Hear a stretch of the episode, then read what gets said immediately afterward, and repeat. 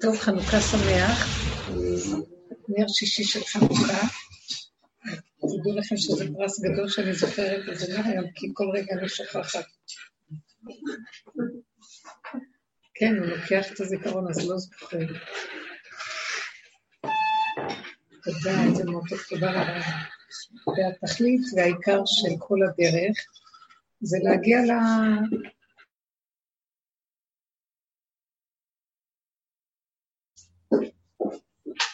מוכרת לי, נכון? נכון? אנחנו היינו ביחד. מאוד. מעמד סיני לא עכשיו. לא נכון, אני כן מכירה. דרך די. אה. אז בכל אופן, אנחנו פשוט צריכים להבין, אין לנו דרך, אין לנו בשום אופן דרך איך לצאת מהתודעה הזאת, אי אפשר לצאת ממנה באופן אה, שורשי אמיתי.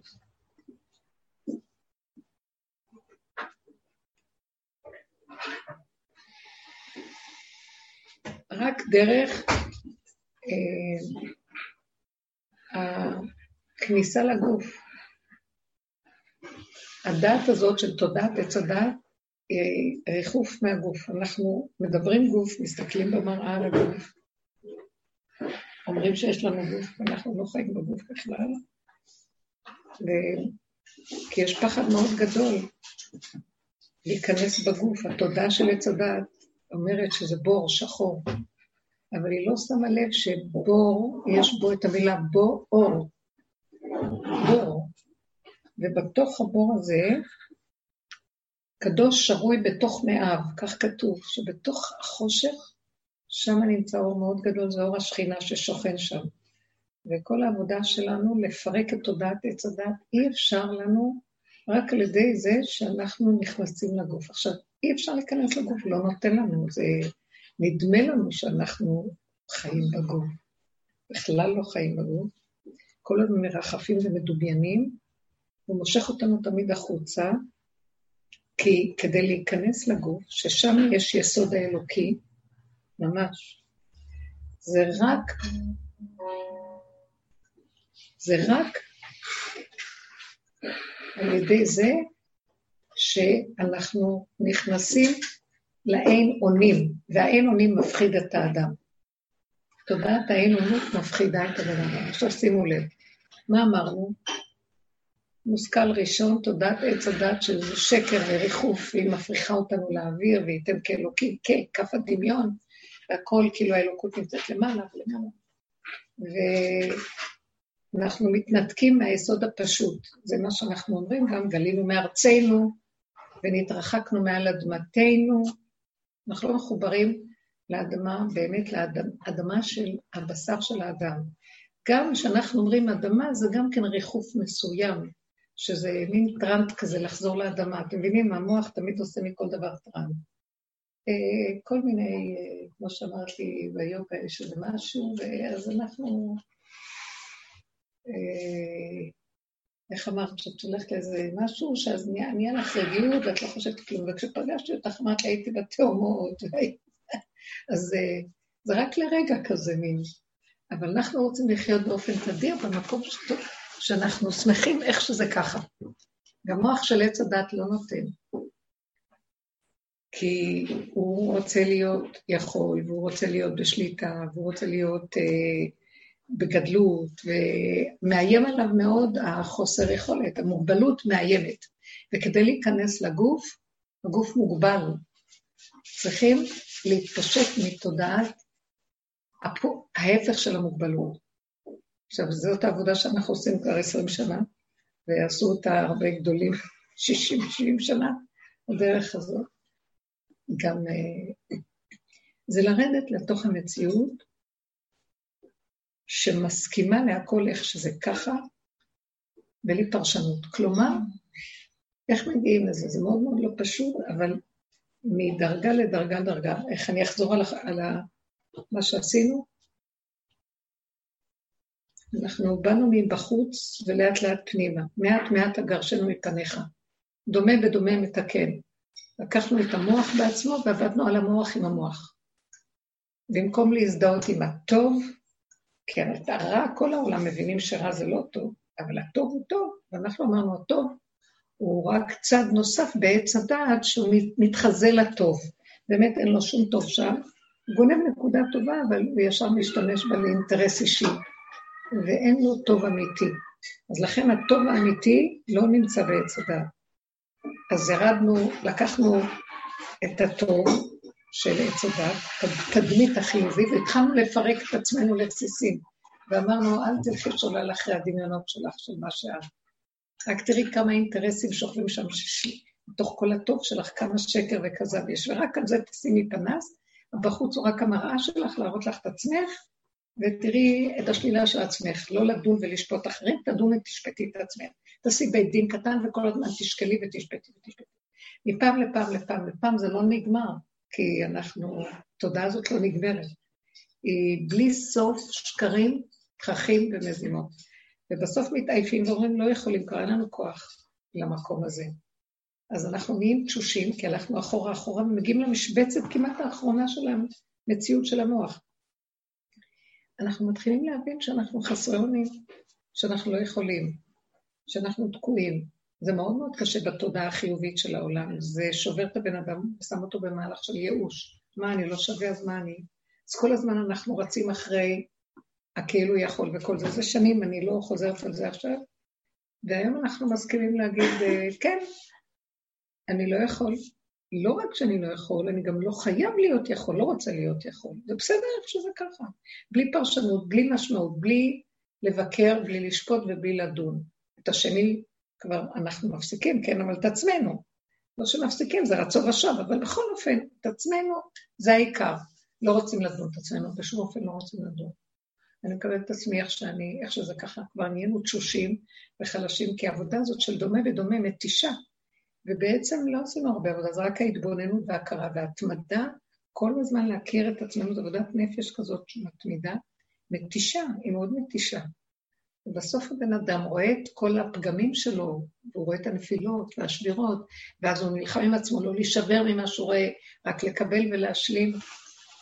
זו עבודה הפוכה מהעולם, כי כל העולם רץ אחרי החיובי, ורוצה להידמות למשהו, ורוצה להשיג ולהגיע, ושיהיה לו איזה חתיכת משהו, ואנחנו הולכים ואת כל המשהו שהיה לנו מאבדים בחוש, ונשארנו חתיכת כלום אחד גדול. וכשמגיעים למקום הזה בלי להישבר, כי משלימים שזאת אמת. זאת אמת. מי שאמרה לי לפני כמה ימים, אמרת לי, מהעבודה הזאת, שפתאום היא נעצרה, והיא אומרת, כל כך הרבה דברים עשיתי בחיים. והעבודה הזאת הביאה אותי לפרק את כל המציאות שלי בנפש. ואני מסתכלת, והתרוקנתי ברמה שכל מה שהיה לי אין לי, ונשארתי עם כלום, כלום, כלום, כלום. ופתאום המם אותי כמה אני כלום אחד גדול. וכשאני ראיתי שהסכנה שלי לא להישבר מההכרה הזאת, אלא לקבל, נכון, מה את חייבת להיות משהו? איזה עצמאות, איזה חוזק לא... כן, אני לא רוצה להיות משהו וזה בסדר שאני כלום. זה לא מול העולם, לכן יותר קל לעשות את זה. אבל מול העולם זה המבחן, אם יגידו לי את כלום אחד גדול, ואני אגיד לו, נכון, מה, אני חייבת להיות משהו? טוב, הכל בסדר. אבל בדרך כלל זה ביני לביני. אם אני לא נשברת שם, היא אמרה לי, היה לה אחר כך כמה ימים של אור שהוא פשוט לא יתואר. היא הרגישה ממש נוכחות, ממש מחבק אותה, קרבת אלוקים ברמה פנימית חזקה, שהיא אומרת, זה נעלם אחרי כמה ימים, אבל כמה ימים, אנחנו רגע אולי, אצלה זה היה כמה ימים, מאוד יפה. אז באתי לומר שבעצם כל המהלך הוא רק ירידה אחורה והשלמה וקבלה של החיסרון. האדם הוא חסר, הוא נולד חסר, וכל העניין של החיסרון שלו זה כדי שיזדקק את הכוח האלוקי להשלים אותו. אחרת אין סיבה למה שאנחנו צריכים אלוקים. אבל אנחנו רוצים להיות שלמים, וגם שיהיה לנו אלוקים. אז זה דמיונות. זה דמיון. כי עד שאדם לא מכיר את הכלום שבכלום שלו, והמבחן המכריע אחרי כל הכלום זה לא להישבר מאותו כלום, אז הוא לא יכול בכלל להתקרב לכך שיש לו איזה קשר עם האלוקות.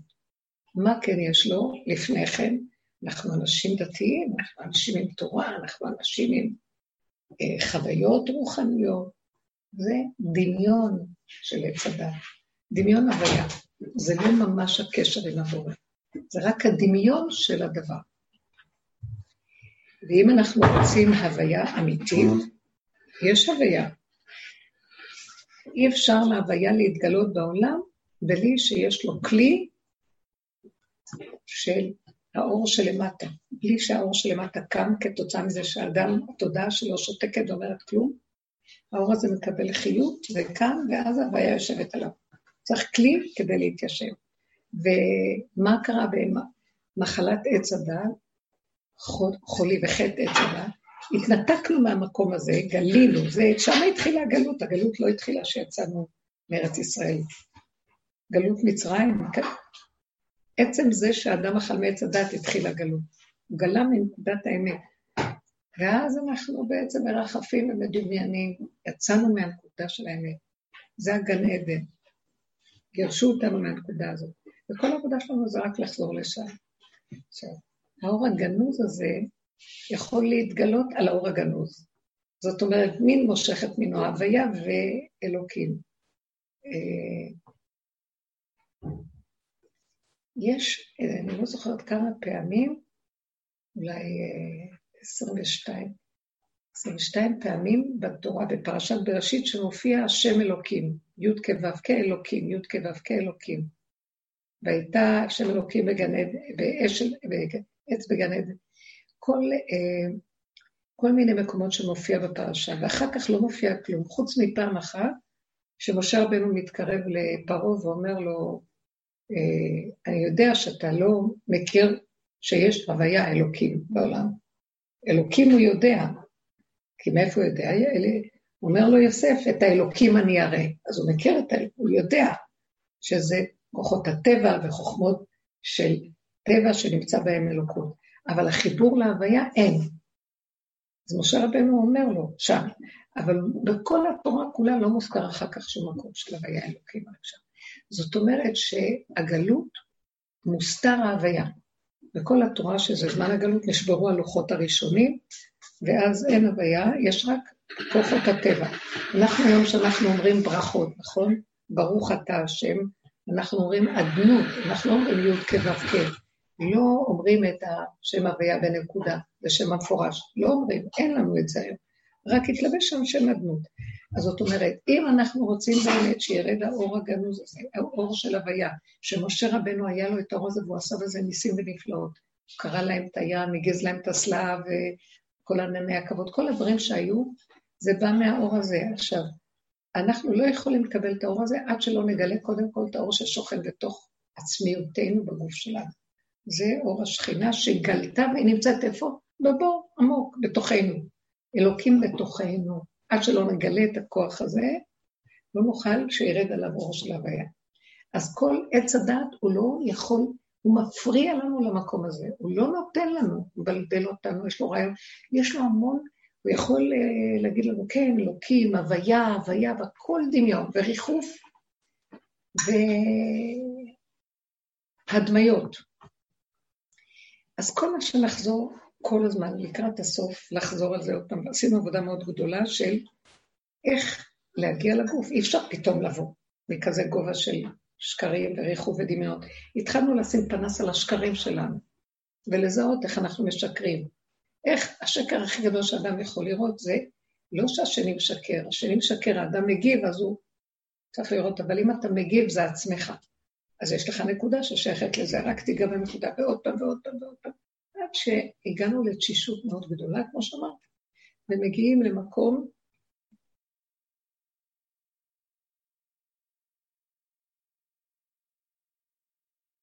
בדיעבד אני לא יכול. הייתי, הייתי כן רוצה להיות יכול, מה לעשות, שמראים לי שאני לא יכול. ואני כאילו במצב של בדיעבד, אני לא מבין שהבדיעבד הוא מלכתחילה. אין מלכתחילה בכלל. המלכתחילה הוא דמיון עץ הדעת. אני מלכתחילה צריך להיות מושלם, אין כזה דבר בכלל. המלכתחילה שזה, שאני תמיד חסר. אנחנו בתודעה של עץ הדת אומרים, זה בדיעבד שאני...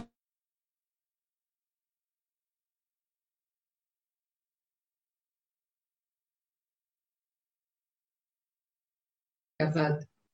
לפי המעשה. עבד, בארמית זה עשייה. לפי העשייה, עולם העשייה זה האמת שלי. עולם הריחוב וההשגה, אני רוצה להיות מושלם.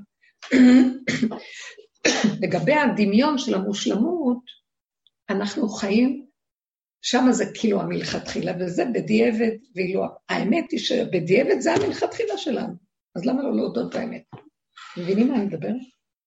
אז ככה אנחנו וזהו. אז אנחנו חוזרים לארציות הפשוטה, לארצנו הקטנטונת, ואין יותר קטן מזה בעולם. ארץ גמדה. ובסדר גמור, אז מה אומרים שם? ארץ ישראל לא עולים תרה שמיים תשתה מים. עיני השם אלוקיך בה תמיד, מראשית שנה ועד אחרית שנה, לא תחסר קול בה. Uh, הכל הולך שם, אם אתה מגיע לנקודה שמסכים לכלום שלך, ונכנס ליסוד של השכינה, אתה מקים את האור הזה הפנימי, לא להת... להתאמץ בכלום. מאוד יפה, היא באה ישר אמרה לי, היא חזרה מחוץ לארץ, אמרתי, נו, חזרת לעניינים שלך? כי לא, אני במנוחת הנפש, כולם פה רצים, רצים, רצים. לא, היא לא רוצה להראות כמו פעם. אבל אז המוח אומר משהו לא בסדר, כן, זה ה... ישר, הוא יגיד, אל תקשיבי אליו. לא בסדר. רשע, מרושע. לא מסוגלת.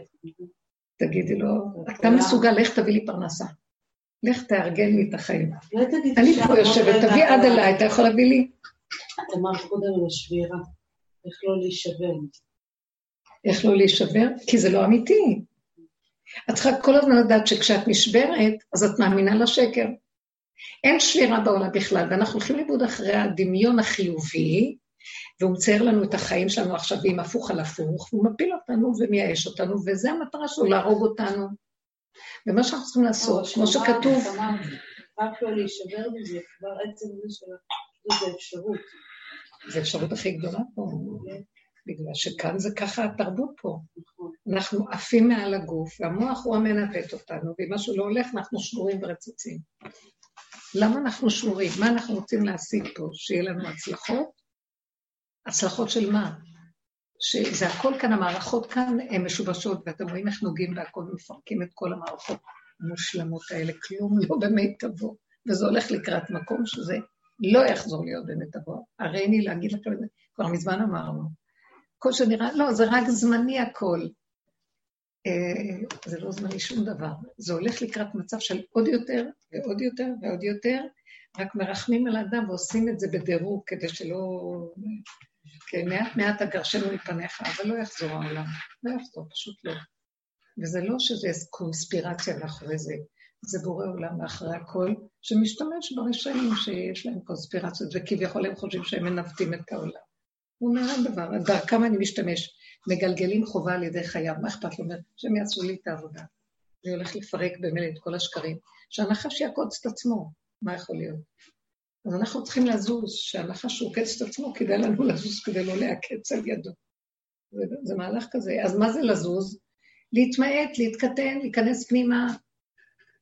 עכשיו, להיכנס פנימה זה להיות מין, זה מין... אני בעולם, אבל אני לא... אני אגיד לכם מה זה להיכנס פנימה. אנחנו צריכים תמיד להגדיר את זה בדיוק.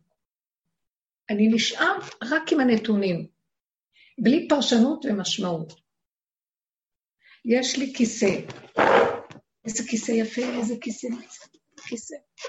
כיסא, שולחן, כוס. אה, יש אצלי בבית יולדת, צלתי, ילדה. עדיין. איך אומרים? וירא הארץ כי נאמה, וישמע נשארו. חמודה מותק, כן. אבל מה? יש כל הזמן רעש, וילדים, זה לא רק כי היולדת, זה כל המשפחה, ומתוקים, כל הזמן. ואין, והגנים והבתי ספר בשחרור, כי אה, כל פעם ששולחים, אחד נכנס לבידוד ועוד אחד, כמה שנים, חגיגה מזעזעת, ואבא כבר אומר, שישארו כבר, אין לי כוח לקחת אותם, כי ההוא יוצא בשעה כזאת, וזה בשעה, אז כבר שכולם יישארו ולא נורא. אה, ואין כוח לכלום. עכשיו, כולם כל הזמן בבית, ויש רעש והכול, כל הזמן צריך להכין אוכל, כל הזמן. אז אני אומרת לעצמי, אה, זה כזה תרגילים מדהימים. אין שום דבר חוץ מאיך שזה ככה. זה המצב. אוף, לא רוצה הוא. והילדים יכולים לבכות, לצעוק. אז הוא בוכה. פשוט, מה את שומעת שהוא בוכה? זה מרגיז אותי, זה לא מרגיז אותי, זה זה. אין פירוש, יש רק נתון, נתון פשוט. זה הדבר, רב אושר היה קורא לזה הכינור, זה חומר גלם, הוא היה כינור שם הוא אמר, זה חומר גלם, זה נקרא תוהו ובוהו, ככה הוא היה קורא לזה. תוהו ובוהו זה חומר גלם, בלי מוח של עץ הדת. שמעתם? ככה הוא קרא לזה תוהו ובוהו. אבל תוהו ובוהו, בלי תודעת עץ הדת, הוא יותר, אפשר לשאת אותו, כי הוא ככה... גולמי. גולמי, בדיוק, זאת המילה. גולמי. אז בואו נלך עם הגולמיות ונשאר איתה. זה, מח... זה פשוט מציל אותי.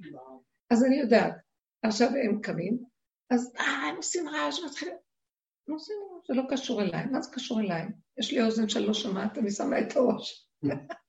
עם האוזן שאני שומעת פחות, וכיף, אני עוד ישנה קצת. קמים מאוד מוקדם, ובולכים שם משקיעים מאוחר, וזה מאוד מעניין. טוב להם בחיים, למה? יש מי שישרת אותם, יספר להם את החיים, ויאכיל אותם, וירדוף אחר, ויעשה להם. אז למה שהחיים שלהם לא יהיו אה, מה שנקרא תותים? אבל אנחנו ההורים עייפים. לא חשוב, ההורים ישנים מתנהלים. ואז אני אומרת לעצמי, זה ככה, אחר כך צריכים לאכול, זה זה רוצה זה, עזוב. הכל צריך להיות. עכשיו, יש רגע שאני אומרת לעצמי, אה, זהו. אני רואה שנתתי את. אה, מה שצריך. אני לא רצה אחרי השיגעונות, ואז אני אומרת, די. עכשיו, מישהו יכול לצעוק, להגיד, לרצות, וזה עוד. אני לא נמצאת עכשיו, גם לא לדבר. כי אם אני אדבר, אז אני אסתבך בתוכה ככה וככה וככה וככה. כלום. לא מדברת. אז אני רואה את עצמי, זה מאוד עוזר לי. אני, כאילו, גולם, הם מאוד מעריכים את הגולם. אתם לא מבינים? מכבדים את הגולם. כאילו, אני אומרת, אני לא מדברת אפילו, אני הולכת לעניינים שלי ועושה את עצמי, לא שומעת, לא רואה. אם זה פיקוח נפש זה משהו אחר, אבל אם זה לא, אני יודעת. זה פשוט, אחרי רגע אני שמה לב מה קורה. הם לא מתעקשים על כלום איתי, כי הם רואים שאני גולם. מתי הם התעקשו? כשאת נותנת להם לב לדבר, מתווכחת איתם, ומסבירה להם, ואומרת להם, ומציעה להם אפשרות אחרת, ורק תשתוק ואני אתן לך את זה, ואל ת... כלום, כלום, כלום, כלום, גולם. הוא לא יכול, הוא לא, הוא לא יכול להצליח את הגולם, אתם לא מבינים?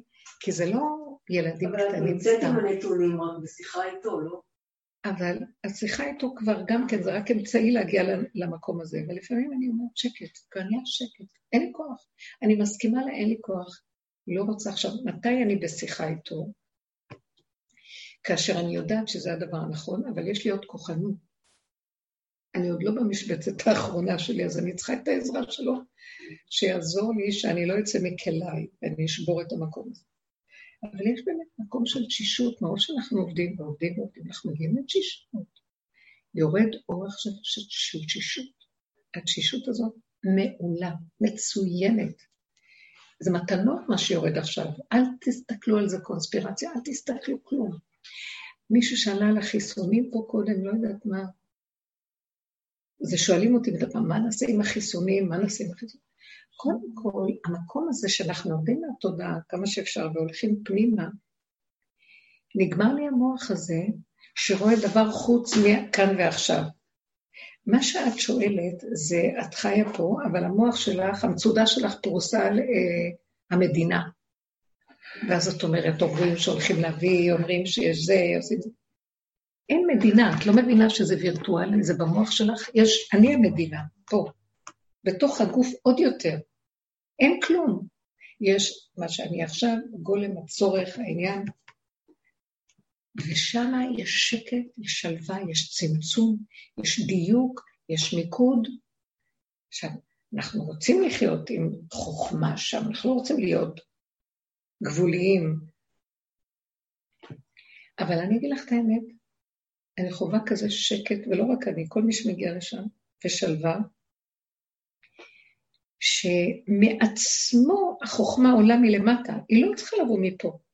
זאת אומרת, אם, אם נצרך לי איזה עצה או איזה משהו, היא עולה מאליה. מי זאת עולה מן המדבר הזה? משהו עולה. ולצורך הרגע שאני צריכה, יש, זה לא שיש לי כאן ספרייה, ואז אני שולפת, ואז אני מדפדפת. לא, טק טק, טק טק, זה גם נעלם, אחרי רגע אני לא יודעת איפה זה, ואני נשארת ממש לא חכמה. זה לא חשוב גם. לא צריך מותרות, הכל מסתדר. אני אומרת, על המקום הזה יכול לרדת אור יותר גדול של חוכמה, שהוא קבוע ביותר. אבל קודם כל תנו לי את זה. תנו לי קודם כל את המקום הזה. אנחנו כל כך תשושים שזה בשבילנו המפלט הכי מתוק שיש. בואו נשתהה שם קצת. זה מה שנקרא ערב שבת. אנחנו שרים את האשת חיים. יש, בשבת יש שלושה חלקים לשבת. סעודה ראשונה, סעודה שנייה, סעודה שלישית. סעודה ראשונה נקראת סעודת אה, השכינה, סעודת, חכ"ל תפוחים קדישים, מה שנקרא, שדה תפוחים, שזה השכינה, שזה הערב, זה מתאים לנקבה, לנוקבה, השכינה, הערב, ואנחנו יושבים, ומה מה שרים באשת חיל? פעילות, עשייה, אבל איזו עשייה יפה, מדויקת, שמחה, מלאת חיות, שאין בה מותרות, שאין בה מצוקות, שאין בה לחצים ואין בה עצבים. טק, טק, טק, טק, טק, טק, טק. זה המקום של השכינה, עולם העשייה, עולם הגוף. פועל ועושה בחסד ותורת חסד הנשונה, והכל מתוך שמחה וטוב לבב, לא של עצבים ורוגז, לא תודעת עץ הדעת. והכל נפתח, מושיטה יד, נפתח פה, הולכת פה, בא לפה. ניסי ניסים, דברים שהם בטבע טבע אמיתי כשהוא פועל במיטבו, בלי שום אה, מעקשים בדרך, בלי עקמומיות, בלי מוח, בלי ספק, בלי בלבול, בלי אולי, בלי אבל ואם ובן, בלי כלום. טוב, טוב. בבוקר, וזה נקרא, זה סעודת הערב, היא באמת סעודה נורא מתוקה, אנחנו כולם הכי אוהבים את סעודת שבת. כי אנחנו עוזבים את ה... השבוע הנורא, והקונטרסט בין השבוע לבין היא כל כך, יותר מאשר שבת אפילו בבוקר. זה מראה לנו שאת זה אנחנו צריכים לחוות עכשיו, אחרי שנגמרת סיום תודת עץ הדת, סיום העולם, בערב שבת נכנסים לקדושת השכינה, אה, וזה עולם העשייה, אבל במיטבו. שביעי בבוקר זה כבר מהלך אחר, זה קדושה מסוג אחר, יותר גבוהה, אבל היא שקטה, היא כבר, אין את הדבר והיפוכו שם.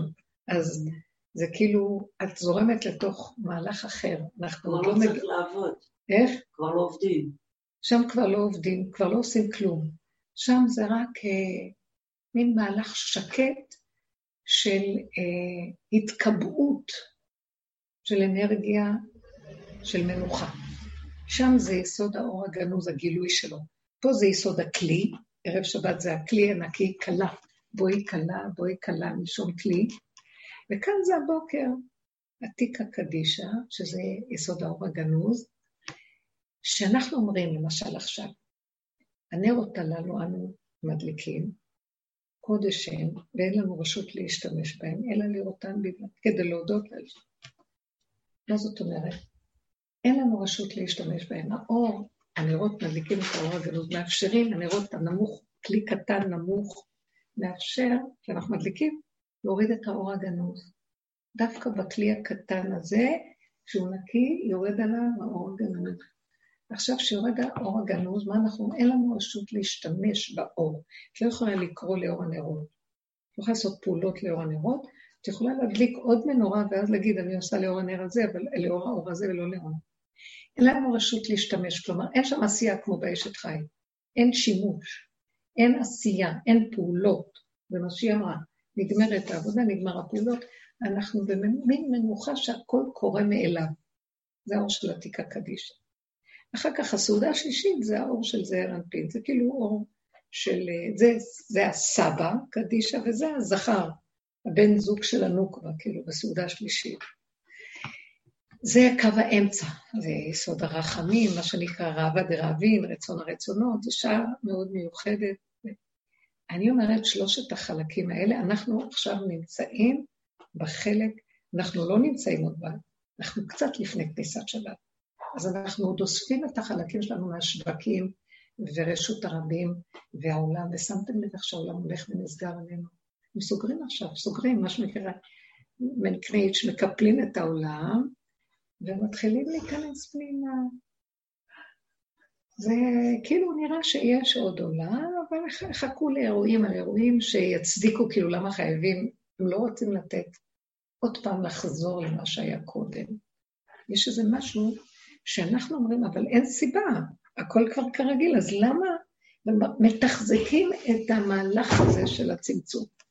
וזה ילך לקראת הצמצום, והצמצום הזה הוא מאוד מאוד טוב בעצם, כדי לרדת יותר למטה, יותר למטה, יותר. ואנשים יישארו במקום הזה של הלמטה. הם יישארו במקום הזה של הלמטה.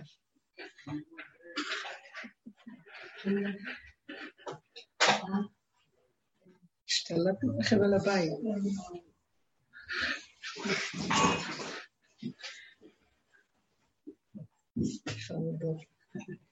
ועכשיו, שלום, שלום.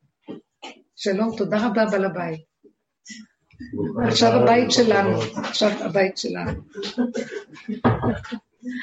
אז עכשיו המקום הזה שאנחנו נמצאים בו, זה לטובה כל מה שקורה. עכשיו את אומרת לי על החיסונים. נחזור לשאלה. למה לך להוציא את הראש מהמקום שאת נמצאת בו? כבר הגיעו החיסונים, כבר פוגשים בכלל, אם אנחנו נכנסים לתוך הבור הזה בפנים, ויוצאים מהתודעה של העולם, שהעולם שואל שאלות, ויש התדיינויות, ויש עיתונים, ויש דעות, ואין כלום, אני לא יודעת, העולם כבר אין עיתונים ואין חדשות, הכל כבר נגמר, אבל לא חשוב. למה לך להיות שם? כי את יודעת שכשנכנסים לתוך הבור בפנים, זה המקום שהכי שומר אותנו, שאף אחד לא יראה אותנו, זה כמו הרואה ואינו נראה, אף אחד לא יכיר אותך. כמו שאמרו חז"ל, אל תתוודע לרשות. למה לך להכניס אותם למחשבה שלך בכלל? תכניסי את המחשבה על קורונה, רק תחי עם הנתונים הקיימים של מה שזה נותן. ולא לשים בתודעה מה, ודעות, ועניינים, ורצונות, ועולמות, אין, אין כזה דבר. וחכי בסבלנות, לכי תדעי. את לא יודעת, כי כמה פעמים אנשים מדברים, מדברים וצעקות ועניינים וזה וזה, אחר כך לא היה ולא נברא, וכן, כל מיני דברים. בואו נשאר בנקודה של מה זה קשור אליי. תגידי לעצמך, מה זה קשור אליי עכשיו הסיפור הזה של החיסונים? אל תעשי את זה עניין, אנחנו עושים עניינים. כל הזמן אנחנו מפתחים פה עניינים לפי תודעת העולם. אין עניין כזה. זהו, סגרתי לך את הסיפור. אין, אין, אין, אין קורונה, אין. אני זוכרת שרק התחילה לפני פסח, אז היו צריכים להגיע אליי. ואז אמרתי, אמא, כי אני זקנה, כן? את לא מפחדת, נעבוד. אמרתי לי, מה? אין. אבל את מבוגרת, אני אמרתי להם, עוד לא נולדתי, מה קרה לכם? לא, זה אין, אין. זה מאוד לי. אין כלום, למה לי לשים במוח תודה? עכשיו, מי שהלך עם העין הזה הגיע, מי שלא, לא. אבל זה בסדר גמור, הכל היה בסדר. עכשיו, אנחנו יכולים, כל דבר שאנחנו עושים, מפתחים אותו במוח של עץ הדעת, את אשר יגור אותי בא לי. אנחנו יוצרים אותו שם. זה בית היוצר של המציאות שלנו. למה, למה, למה לי? אם המציאות הזאת מרגיזה אותי, למה לי בכלל להתעסק איתה? למה להביא אותה לידיעתי? וגם כל דבר אחר, אני גם לא רוצה ללכת לרעיונות מאוד יפים. בואו ניקח קורונה, זה מפחיד. אבל בואו ניקח חסד. אני גם לא רוצה חסד במוח שלי, אני לא רוצה כלום במוח. אם החסד צריך לבוא, השם ייתן לי את החשק, את הרצון, את הסיבות, יפתח לי דלתות, ואני אעשה פעולות. ואז עכשיו אני אומרת לעצמי, מה זה חסד? זה צריך להיות ארגון? לא, אני נותנת לילד קטן לאכול משהו, זה חסד. אני מאכילה את עצמי לרגע, זה חסד מאוד גדול. כל רגע זה חסד, כל עשייה היא גדר של חסד, שזה מטיב לקיום של משהו.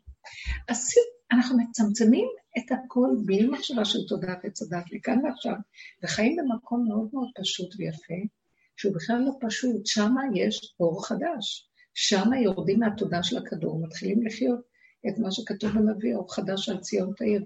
קודם כל אנחנו מכינים את הכלי כדי שיוכל לרדת עליו אור. הכלי בעצמו, יש לו אור, אבל זה אור חשוך. מרוב, למה הוא נקרא אור חשוך? מרוב שהוא אור, אי אפשר להכיל את האור שלו, אז הוא חשוך. אז אנחנו לא יכולים להכיל אותו. אז הוא מתגלה כחושך. בסדר. מכל המציאות שאני חיה אותה כאן בעולם, אין דבר יותר מתוק מהמקום הזה של השקט.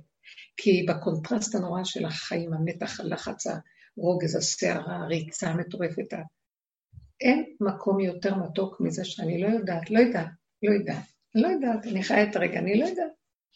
אה, את בתיה נעת, שמה את ראש באדמה, נכון, ראש באדמה זה טוב.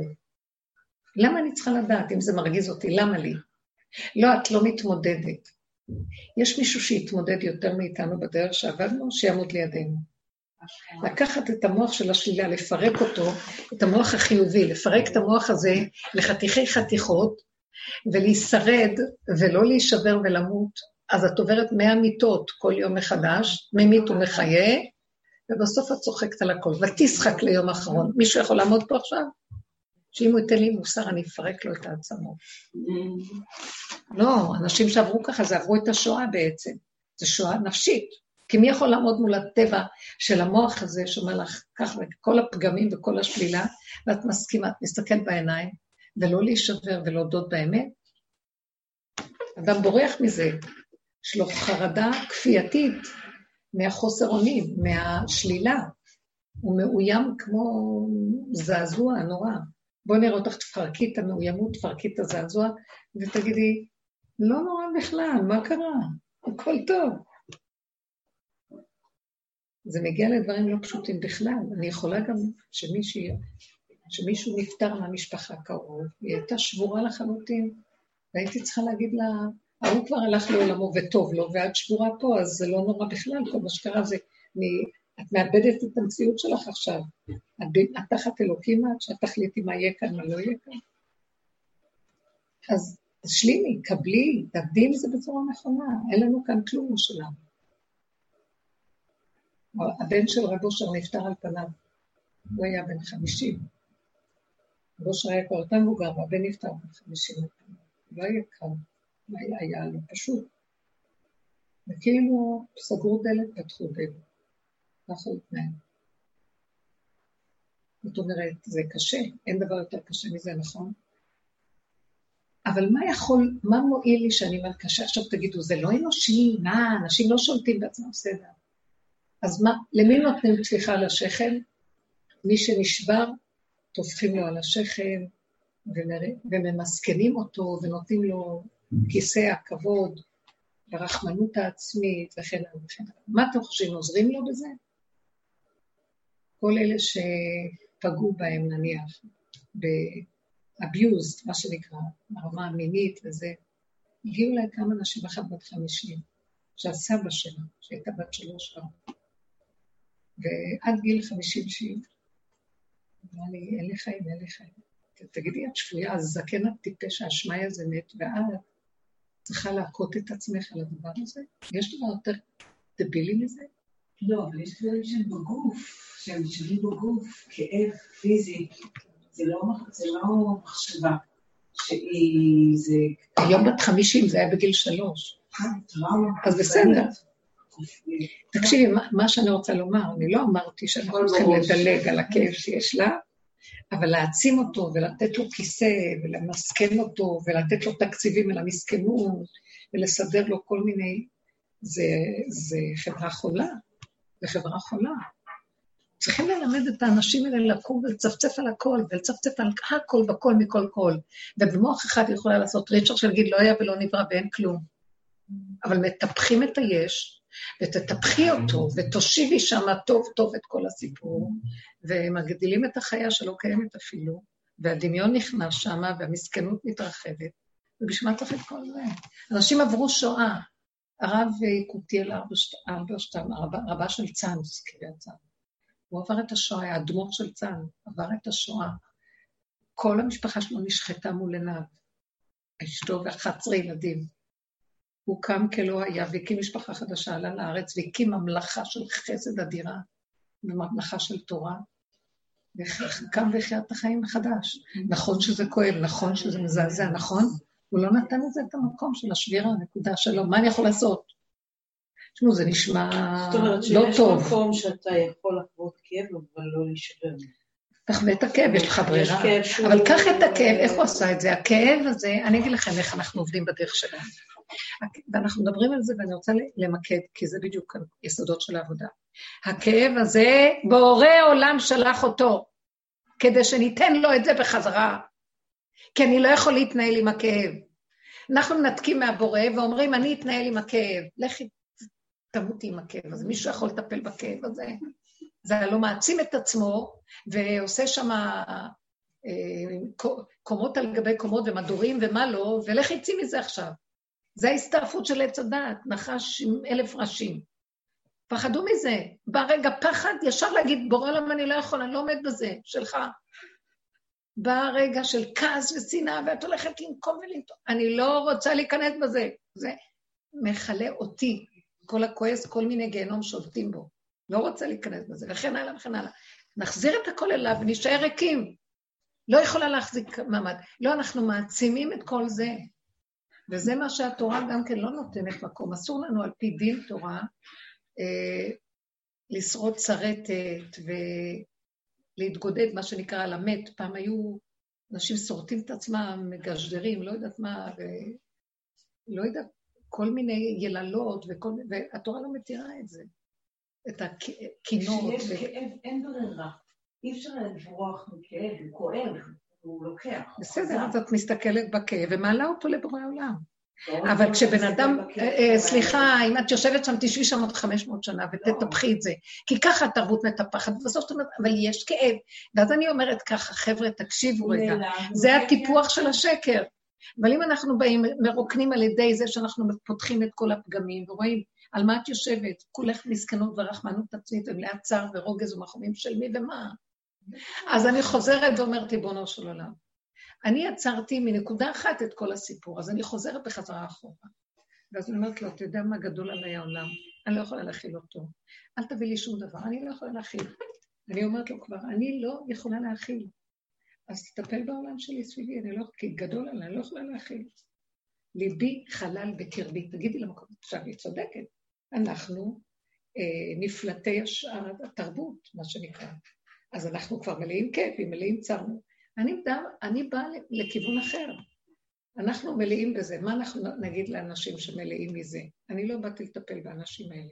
אני באתי, ואנחנו כבר הרבה זמן נפגשות, את ותיקה מאוד, באתי ללמד את האנשים שיש להם כאב נורא, הם מגיעים לשיעורים כאבים נוראים, מה אני אומרת להם? תתפוצצי מרוב כאב ואיננו. את יודעת מה? אה, מה שנקרא בלון, עוד קצת אוויר, מתפוצץ, די, לא מזיז לי. המקום הכי נפלא, שם אני מתחילה. אז אני אומרת, תסתכלי, העולם הזה חבל לך על הזמן, תחי את הסכנה שלך.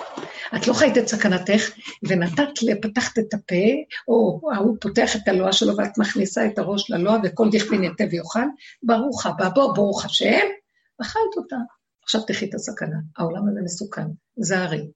תסגרי כאן, תסגרי שם. צמצמי, קבצי פנימה, חגרה באוזנותניה, תלכי בנקודה הפנימית. ואל תתני למקום הזה. אה, איך כתוב שם? בחרבי ובקשתי אשר לקחתי מיד האמורי. איפה זה כתוב? זאת אומרת, זה כתוב, זה כתוב אולי בתורה? ומי? בחרבי ובקשתי, אם זה לא מהכתובים, זה משה רבנו הלוא נלחם באוג ובסיחון, מלך האמורי וכל אלה, אבל אם זה כתוב, אני כבר... אה? לא חשוב. מה הנקודה? שהוא אומר, הוא בא לקראתי עם החרב שלו, תפסתי לו את החרב והחזרתי את זה בחזרה אליו. שמעת? אה? בחרבי ובקשתי, מאיפה החרב והקשב? כלי מלחמה שלקחתי מיד האמורים. הוא בא להרוג אותי, לקחתי לו את החרב והרגתי אותו. למה, אני פראיירית שלו? ככה אנחנו צריכים להיות ערניים, דרוכים, חיים את הנקודה. אה, התרבות הזאת ציממה אותנו מרוב פינוקים וחולשה. אנחנו מסכנים, עשו לי ועשו לי, ופתאום צצו כמו פטריות מלא נשים שפתאום מצאו תקציבים וזה, אז הן מתחילות לפתח את הכאבים שלהם. אני לא באה להגיד נגד, אני לא נראית כאן מזעזע מה שאני אומרת. צפצפת על התרבות הטיפשית הזאת, שייתנו לנו את התקציבים ונתחיל לעזור לאנשים איך לחיות. מה הם משוגעים עכשיו מחלקים את הצורה של הכספים וכלום. איזה שקר ואיזה כזה זה. זה לא צריך להיות ככה. למה זה צריך להיות ככה? הם לא יודעים, אין להם את השכל הנכון איך לחלק את הכסף של המדינה, והם לא עוזרים. אנשים כאן ממש, האזרחים ממש בסדר. ולא צריך לא את הכסף שלהם, לא אותם ולא את שכרם. בורא עולם חי וקיים, יש לנו שפע מהשכינה, מידו המלאה פתוחה, קדושה והרחבה, כי אין מחסור ליראיו, זהו, נקודה. אז בואו נלך לכיוון שלו, בשביל אנחנו צריכים את התרבות הזאת בכלל? זו תרבות של אנשים חטאים, מה שנקרא. אז בסופו של דבר, מה אנחנו אומרים? בואו נחיה את הערנות, בואו נחיה את הסכנה, בואו נתבונן, ולא ניתן, ניתן לזה מקום. מה זה לא ניתן לזה מקום? אולי, מי אמר את זה? אז מצאת מי אמר את זה? כן, זה כשיעקב... אה, יעקב אבינו. הולך, לפני שהוא הולך לעולמו, הוא אומר ליוסף, הוא אומר את זה. כן. הברכה שלו ליוסף. כן. בראשית מ"ח. זה בפרשת ויחי? כן. בראשית מ"ח. מה זה מ"ח? זה כשיעקב, זה, מברך כל אחד מהבנים שלו. אז בסופו של דבר, זה המקום שאנחנו מסתכלים ואומרים, יעקב אבינו, הוא אמר ללבן, אני אחיך ברמאות. אתה בא לרמות אותי, אני יודע גם לגנוב אותך. גם הוא גנב את ליבו של עשיו. מה, יש לו ברירה? אז אנחנו לא סתם, אנחנו באנו מתודעת עץ הדת, וגם לנו יש את הערמומיות הזאת, אז למה לתת לזה לשבור אותנו? ושם הוא כולא אותנו, את שומעת מורי? הוא כולא אותנו בתוך המסכנות העצמית. זאת אומרת, איזה, יש הרגשה של כאב. קחי את הכאב הזה ותפקי להשם. קחי את הכאב הזה, וגם להשם אני אומרת לו, תלך לעזאזל, לא רוצה יותר לבכות. שמעת מה אני אומרת לו? עכשיו, למה? מה, אני יכולה להגיד להשם, תלך לעזאזל? זה בכלל לא השם, זה השד שעשיתי אותו השם, מבינה? ואני מזהה שאני מתמסכנת, והשם, מתי תגאל אותנו, מתי? פתאום אני אומרת לעצמי, למי את בכלל מדברת? אין שם בכלל כלום. תגידי, לא צריך את זה ולא את הצורה הזאת של הגאולה. קומי, צאי מתוך, תקומי את, תעשי את, תשיטי את, תעשי עניין וזהו, בתודעה אחרת לגמרי. מה אתה חושב, שמשהו יבוא אם לא תקומו? אתם מבינות מה אני אומרת? כן. לא, אבל אנחנו יושבים ומחכים, ומתוך מסכנות, וכאבי נפש, וכמו שכתוב על רחל אימנו, אה, שכתוב, מיני קולך מבכי, בהפטרה, כן, ועינייך מדמעה, כי יש שכר לפלטך, ושבו בנים מכולם. והיה רב, רב אה, שמואלביץ זצ"ל, חיים שמואלביץ, משגיח של ישיבת מיר, אה, מאנשי המוסר הגדולים, תמיד חכם עצום, שהוא היה נכנס שם וצועק, ואני אומר, היה כתוב שם על הפרוכת, ואני אומר, אל תמנעי קולך, מאמא רחל, אל תמנעי קולך מבכי, תרחמי על הבנים שלך, תמשיכי לבכות עלינו. ועכשיו אני קמה ויש לי משהו להגיד לו, תן לרחל לחיות כבר. מאמא רחל כבר עייפה מכל הכאבים והצרות של היהודים. אולי נפסיק כבר עם הצרות האלה, לא תפסיק הגלות, עד שאנחנו לא נחליט להפסיק אותה. היא לא תפסיק לבד. היא לא רוצה את הכיוון הזה, לא רוצה לבכות, לא רוצה כלום. מה חסר פה? מה חסר? הנה הגאולה. נאכל, שותה, נושם, הולך ובא, מה את רוצה יותר מזה? מה? מה יש? זה דמיונות של עץ הדעת. זה הגלות היא דמיון. אם אנחנו לא נפרק את הדמיון הזה, לא ייגמר הגלות, נגמר. היהודי, לא יוציא אותו, איך אומרים? אפשר להוציא את היהודי מהגלות, אבל הגלות לא תצא מהיהודי. זה מאוד קשה. זו תפיסה כזאת שאנחנו מקובעים בה. וזה תודעת עץ הדת, זה נקרא הגלות, התודעה הזאת. בואו נצא ממנה. איך יוצאים ממנה? לא נכנסנו בגל, זה רק דמיון שיוצא ונכנס, ואין בעצם כלום, רק דמיון אחד גדול. אז מה אני רק אומרת? איך שזה ככה זה בסדר גמור, לא רוצה פרשנות, לא רוצה משמעות. כי כל תודעת עץ הדת לקחה את הנתון ונתנה לו פרשנות, מפרשנות להבנה, להשגה, לידיעה, ל... נהיה כדור של שלג, ומתגלגל, מתגלגל, לכי תחפשי את החוט איך לפרק אותו. וככה אנחנו חיים, יוצרים מציאויות כאלה של מסכנות בכל מיני תודעות. ואנחנו באנו ועשינו הפוך, הפוך, הפוך, הפוך, פירקנו, פירקנו את הבניין והוצאנו אבן. אבן, מה עשו הבונים? הייתה לו משפינה, אבן. האבן הזאת, טוב לי להיות אבן. אבן. לב אבן לעולם, נהיה לי לב בשר לבורא העולם. אתם לא מבינים? זה בדיוק הפוך. אין לי כוח יותר. העולם הזה ישגע אותנו, העולם הכוונה התודעה. זה עולם. כי עולם זה לא הבריאה, בריאה יפה, שמש, אין, אין בעיה. העולם של הבן אדם והדמיון שלו, הם מחשיכים את הבריאה. הם גורמים שהבריאה לא נראית טוב. אבל הבריאה היא כלואה בידי אדם. אתם לא מבינים שהבריאה סובלת מאדם? כתוב בתפילות אה, ראש השנה, בנתן את תוקף, גם ביום כיפור. הוא נתן את תוקף קדושת היום, כי הוא נורא ואיום, ומלאכים יחפזון, וחיל ורעדה יאחזון. אז רבו שואל למה המלאכים חיל ורעדה יאחזון. הנה יום הדין, ככה הם אומרים. הלא דנים את האדם, לא את המלאכים. אלא הם, הוא ככה היה מפרש, שזה יפה הפירוש שלו, אמת, הוא היה אומר, לא כל הבריאה בידי האדם, הם מפחדים שאדם לא יעשה שטויות ואז יכו אותם. יחתכו להם את הכנפיים ואת זה בגלל הקלקולים של הבני אדם. אז הם מפחדים מהבני אדם. אתם מבינים? את הנקודה שהוא מדבר פה. זאת אומרת שיש כאן איזה משהו שהבן אדם הוא העיקר פה. אם אנחנו תופסים את הנקודה ואנחנו עם העבודה שלנו רואים את הסכנה של תודעת עץ הדת, מה שהיא עושה פה בבריאה, היינו מפחדים לזוז. ולא כל שכן להתרחב על זה וגם uh, לקבל uh, איזה דרגה על זה, טפיחת שכם ומה לא. וככה אנחנו יושבים פה. אז כל העבודה שלנו היא לפרק, לפרק ולחזור אחורה.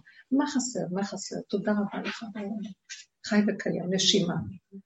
עצם איך שזה ככה, הכל טוב, בלי פרשנות, בלי משמעות, בלי כלום, נגמר כל המרוץ המטורף הזה של שיטות, ותרופות, ורפואות, ועניינים, וזה, זה, סיפורים, זה, זה, זה לא נורמלי. גם לא צריך כל כך הרבה כסף כדי לחיות. כדי שאדם יוכל, גם לא צריך כל כך הרבה אוכל, גם המוח מרבה לנו את האוכל, מרבה לנו את הצרכים, מרבה לנו את האחיזות הרגשיות, וכן כל מיני, מה שאנחנו... הפשטות היא מאוד פשוטה וקיימת, אז מה, מה חסר פה בעצם? גם לא צריך שזה, העבודה שלנו גם לא עבודה בכלל, היא עבודה של נקודה פרטית. האדם עם הפרט, אם יהיו כאלה עשרים שיעבדו, עשר, כמו שהיה אומר, אחד מכם יניס אלף ושניים רבבה. תעבדו באיכות הפנימית בלי להרים ראש של עולם, אז העולם מתוקן, יתחיל להיות מתוקן. צריך חוזק אמיתי לדבר הזה, אבל אמיתי באמת. אבל אתה לא חי לבד, זה הבעיה שלי. תעצרי שם, והתשובה הוא נותן. צריך גם להתפלל. אתה לא חי לבד. אני אגיד לכם משהו? למה אתה לא חי לבד? זה טוב, אני מסכימה איתך, כדי שהשני ייתן לך עבודה לנקודה הפנימית שלה, בשביל זה הוא קיים. הוא לא קיים בשביל אה, שאת צריכה להשתלב איתו, והוא מפריע לך, אז תתפשרי ותחי. אין לכם מושג, אני יודעת מה אני מדברת כולנו, כמה שזה מחליש את נקודת האמת. כי השני לא ייתן לך נקודת אמת, כי לא כולם עובדים על נקודה פנימית. זה יכול להיות, אה, איך אמרו חז"ל לקראת הסוף, אויבי איש, אנשי ביתו. זאת אומרת, האדם הכי קרוב אלייך לא קולט בכלל, כי היא יכולה גם לדבר איתו על הדרך, יכולה להיות ההתנגדות הכי גדולה. אז לכי תדברי, מי תדברי. אז תעשי את העבודה את חייבת להיות איתו בקשר. כן, כי ההתנגדות הוא שולח לי כדי שאני אוכל להיות איתו, ואני והוא ואין עוד מלבדו. הושיע נא. אומרים את זה בהושענות, אני והוא הושיענה. זאת אומרת, כשאני אומרת, טוב, אז צריך להתפשר, להסתדר, אני לא ככה. תראו איך צריכה להיות ההתפשרות. כמו שאני אומרת לכם, עם הילדות הקטנות שמסביבי וכל הילדים בכלל. אני מסתכלת ואני אומרת, טוב, אני לא אלך נגדם, זה רוצה זה, אני רוצה זה. עד הנקודה של הגבול שלי, שאני מרגישה שאני לא יכולה יותר. אני לא צריכה גם לתת דין וחשבון, אני נעלמת מהשטח, לא רוצה. מה, את לא אחראית? הלכתי לחדר אחר, מה, תשאירו לבד, מה אכפת לי? מה אני יכולה לעשות? בוא נגיד, אני לא עונה לשני, נגיד שהוא אדם מבוגר. הוא אומר לי, נו, וזה וזה וזה, ואני יודעת שהוא שואל את השאלה כדי לקנטר, אפילו אם לא לקנטר, אבל אם אני אענה לו, אז זה ימשוך אותי למצב שאז הוא יגיד לי, אבל, ואם ופן, וזה יהיה הפוך, אז למה לי להיכנס בזה? אז אני לומדת אה, לשמוע, ואני הולכת, והשני מסתכל, רגע, אני מדבר עלייך. אה, נניח אם זה איש או אישה, לא חשוב. אה, כן, נכון, אני הולכת. נגיד איזה אומץ טרף שזה קדחת על כל החיים, שאני לא אמות כי אחיה, שמעתם? למה שימית אותי עכשיו? זה לא הוא. זה כוח בתוכו שלא מודע ולא מתבונן שהולך להפיל אותי. אז תמיד הייתי להסתדר ועונה והכל וזה. אני אומרת לעצמי, זה שיש לך עבודה זה לא, זה לא יפה שאת לא ת... שמעתם איך השקרן הזה, לא כאילו, זה לא יפה שלא... שאריה פתח את הפה ואת לא שמה את הראש כדי שהוא ילעס אותך, זה לא נימוסי. אני לא, לא רוצה להיות נימוסית, קודם כל, מי הם כולם? אף אחד כאן לא קיים.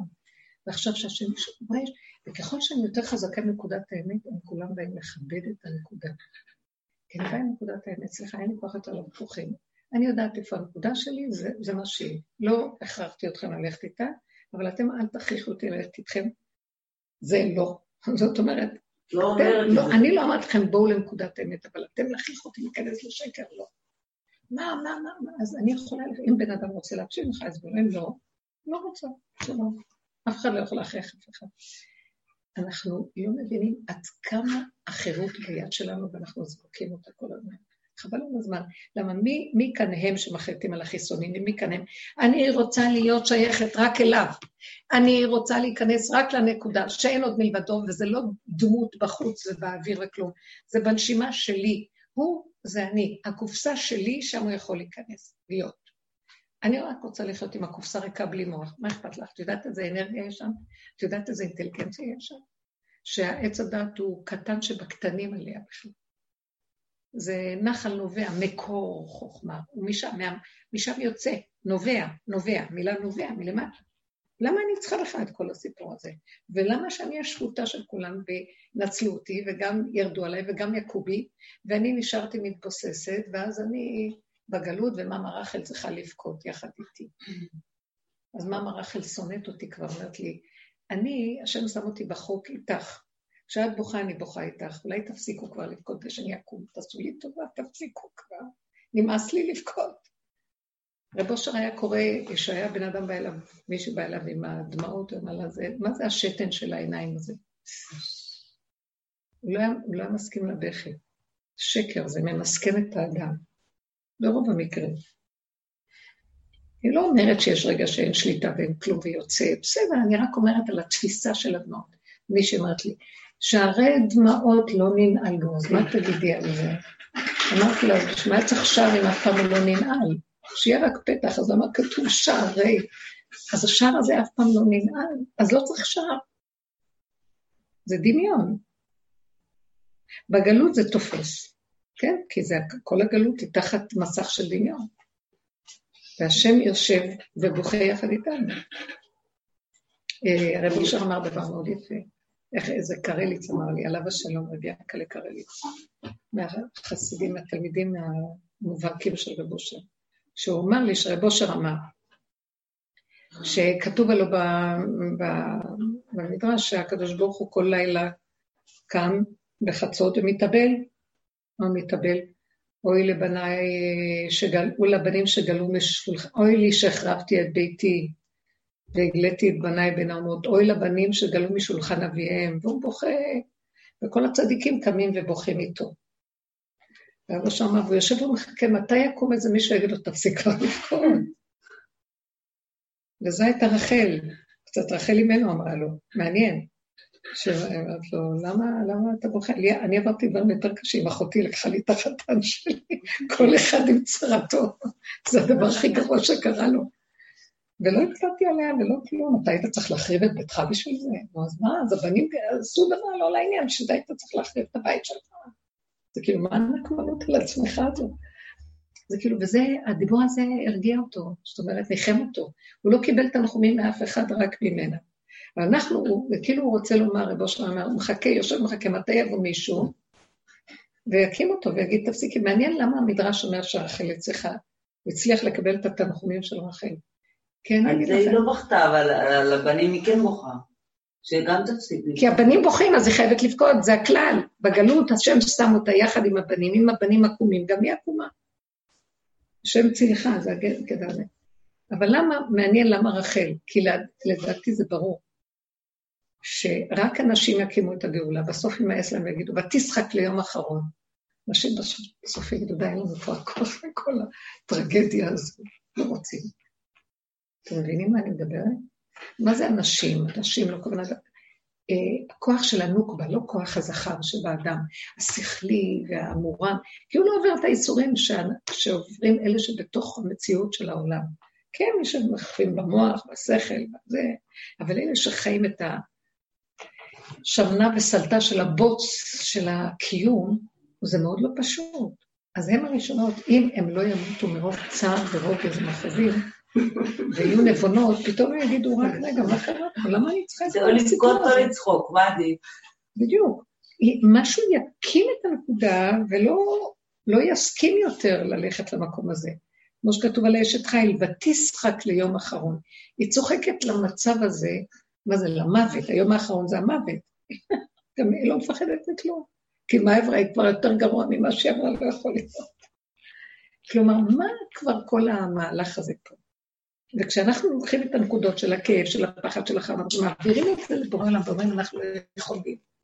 רק אתה יכול, תתגלה בתוכי. אני לא, לא, אני לא, לא יכולה, לא רוצה גם לעבור דרך המהלך הזה, לא רוצה. זאת אומרת, היא תקום ותמרוד בשקר של הגלות, בדמיון הזה של המסכנות, שם יקום השם יגיד, תודה שהקמת אותי. אתם לא מבינים את זה? בואי אני ואת נשמח. זה מהלך מאוד חשוב. מה את אומרת, נו? אני רואה שאת בעיה. לא, אני לא בבעיה, אבל אני ב...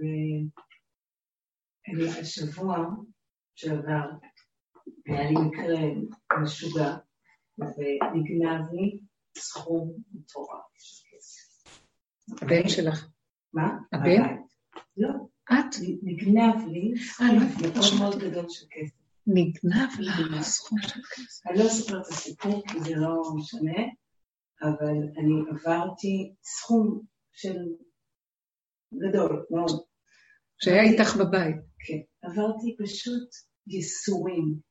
נכון, זה הדבר הכי קשה באמת, עברתי. ייסורים, עברתי חרדה, עברתי, ביום פעלתי לנסות לראות איך אני משיגה את הכסף חזרה, ובלילה עברתי בלהות, כאילו. וכל הזמן, תוך כדי שאני עוברת, אני גם מנסה איפשהו לחזור לגוף. אוקיי? כאילו, כל פעם כן, שאני כן. הראש, אז עוד יותר חרדה. אני חוזרת, אני חוזרת לגוף, ובגוף אני מרגישה מה עובר עליי. אני מרגישה את החרדה, ובור שנפער לי, וגלי חום, וזה, ואז אני, ואז יש עוד פעם את המחשבות, שהמחשבות מטריפות, ואז עוד פעם מנסה כזה לנשום, לחזור לנשימה, לחזור לגוף, להגיד לעצמי, די, חלאס, תפסיק. ככה יום אחד, לילה שני, הלכתי לאיזו חברה שתדקר אותי, שאני לא, שאני אוכל לישון איזו שעה בלילה. ולא הייתי מסוגלת לאכול, כן, מסוגלת כן, לישון, כאילו, זה היה סכום כזה שאמור להיכנס לבית שקניתי משכנתה, כאילו... ובלילה השני, אה, עוד פעם, הכל הזה, הבנתי שגם אני לא, בלילה השני הבנתי שאין לך. כאילו בלילה הראשון, ביום כן, הראשון, כן, ב-24 שעות הראשונות. חשבתי שיש איזשהו סיכוי שאני אצליח לארגן אותו חזרה את הכסף הזה, ובלילה השני הבנתי, אה, תוך כדי שיחה עם אחותי שלא גרה בארץ, ובאמצע הלילה הבנתי שאין מצב, וזה היה בין, עוד פעם, היה לי את הגלים האלו, אז, אז אני מדברת על ה... כל מה שאת אומרת על הכאב, שדי, לא לחוות אותו, לפעמים הוא כל כך עצום, נכון. שאין נכון. אפשרות אחרת. כן, נכון. עכשיו, להפך, כשאני הולכת לראש, הכאב יותר גדול. נכון. כשאני חוזרת לגוף, אני מרגישה מה כן. קורה לי. כן. זה לא כבר לא, אי אפשר לקרוא לזה כאב, אי אפשר לקרוא לזה, כי זה פשוט תחושה. תחושה של חום, תחושה של בור, תחושה של זה. ולרגעים, ממש לרגעים, פתאום היו לי, השתחרר לי ה- התחושה, הבור הזה, התהום הזה, ופתאום הרגשתי כמו, כאילו שהגוף שלי יוצא מה... שהנשמה שלי יוצאת מהגוף, כמו איזה ריחוף כזה של שום דבר. כאילו פתאום הבנתי שזה באמת נהיה, אם לא, אם לא נתתי לזה את הפרשנות, כי זה תוך שנייה, כאילו, כן, כן, הולך כן, תוך שנייה, תוך אז שנייה. לרגעים ממש קצרים פתאום מהדבר הזה, הבור והזה, הרגשתי את השחרור, ממש כמו איזה, על איזה סם, כאילו, כאלה. בסוף, למחרת, בבוקר, הכסף חזר. כאילו, אבל אני. אומרת את זה, מעניין איך מישהו לקח כן. להחזיר. כן, אבל אני אומרת את זה כי, כי פשוט, את, את מדברת על כאב, ועל, אה, ו, ויש לי שם, אה, נכון. לפעמים זה לא, אי אפשר, אין שליטה. אין שליטה. שאין שליטה, אין מה כאילו, לעשות. זה גיהנום, חווים את הגיהנום. אז זה נכון לא להיכנס לראש. לגוף, לתחושות, ולפעמים התחושות גם, זה סוג של... אבל הנה, נאבקת ועשית עבודה, והגעת למקום שהלך כמו אלייך, אנחנו אבל לך כן. נכנסתי לגוף, אני נכון. חושבת. כאילו, אני לא יודעת, זה היה ממש נס, איך שזה חזר אליי. אבל זה היה... עכשיו בחנוכה לכל? וזה היה יומיים לפני חנוכה, ויומיים אחר כך אמרתי, עברתי בית, אמרתי, אני נכנסת לבית נר ראשון של חנוכה, זה עכשיו, הקטע, העניין הוא שכל, היה לי שם שיעור מאוד גדול, שגם תוך כדי, אני חושבת שקלטתי אותו ממש בקטנה בלילה, שאני הולכת, השיעור הזה מלווה אותי כל החצי שנה האחרונה שלא הייתי פה, איזה חצי שנה, כבר האחרונה שהייתי פה, סיפרתי לך שאני צריכה לעזוב את הבית, זה, נכון, נכון, נכון, נכון. היה לי איזה חצי שנה של ניסיונות לעזוב את הבית, לא לעזוב את הבית. אני צריכה לצאת משם, בעצם את לא צריכה לצאת. אחרי חודשיים אני באה לתת צ'קים קדימה, בעצם את צריכה לצאת. ואני כל פעם, אני חווה כל פעם את החרדה, את ה... איזושהי חרדה שעליי היא פועלת, ויש אנשים שזה לא יפעל עליהם, כאילו המקום ההישרדותי, הפחד, זה שאין אדמה, זה שברור לי בראש שאני לא אמצא את עצמי בחוץ, אבל בגוף אני ישר מרגישה את החרדה הזאת. וככה, ולסיום, אוקיי, כבר מצאתי בית, כבר הכל זה, זה, זה, זה, ולסיום היה לי את הקינוח הזה של כסף. של, של הבית שנגנב כאילו, וזהו. העיקר שבאת לפה בחזרה. ותיקה שלנו. מור, אין כזה דבר לעזוב כל כך הרבה שנים, וגם עם ההפסקות תמיד יחזרו.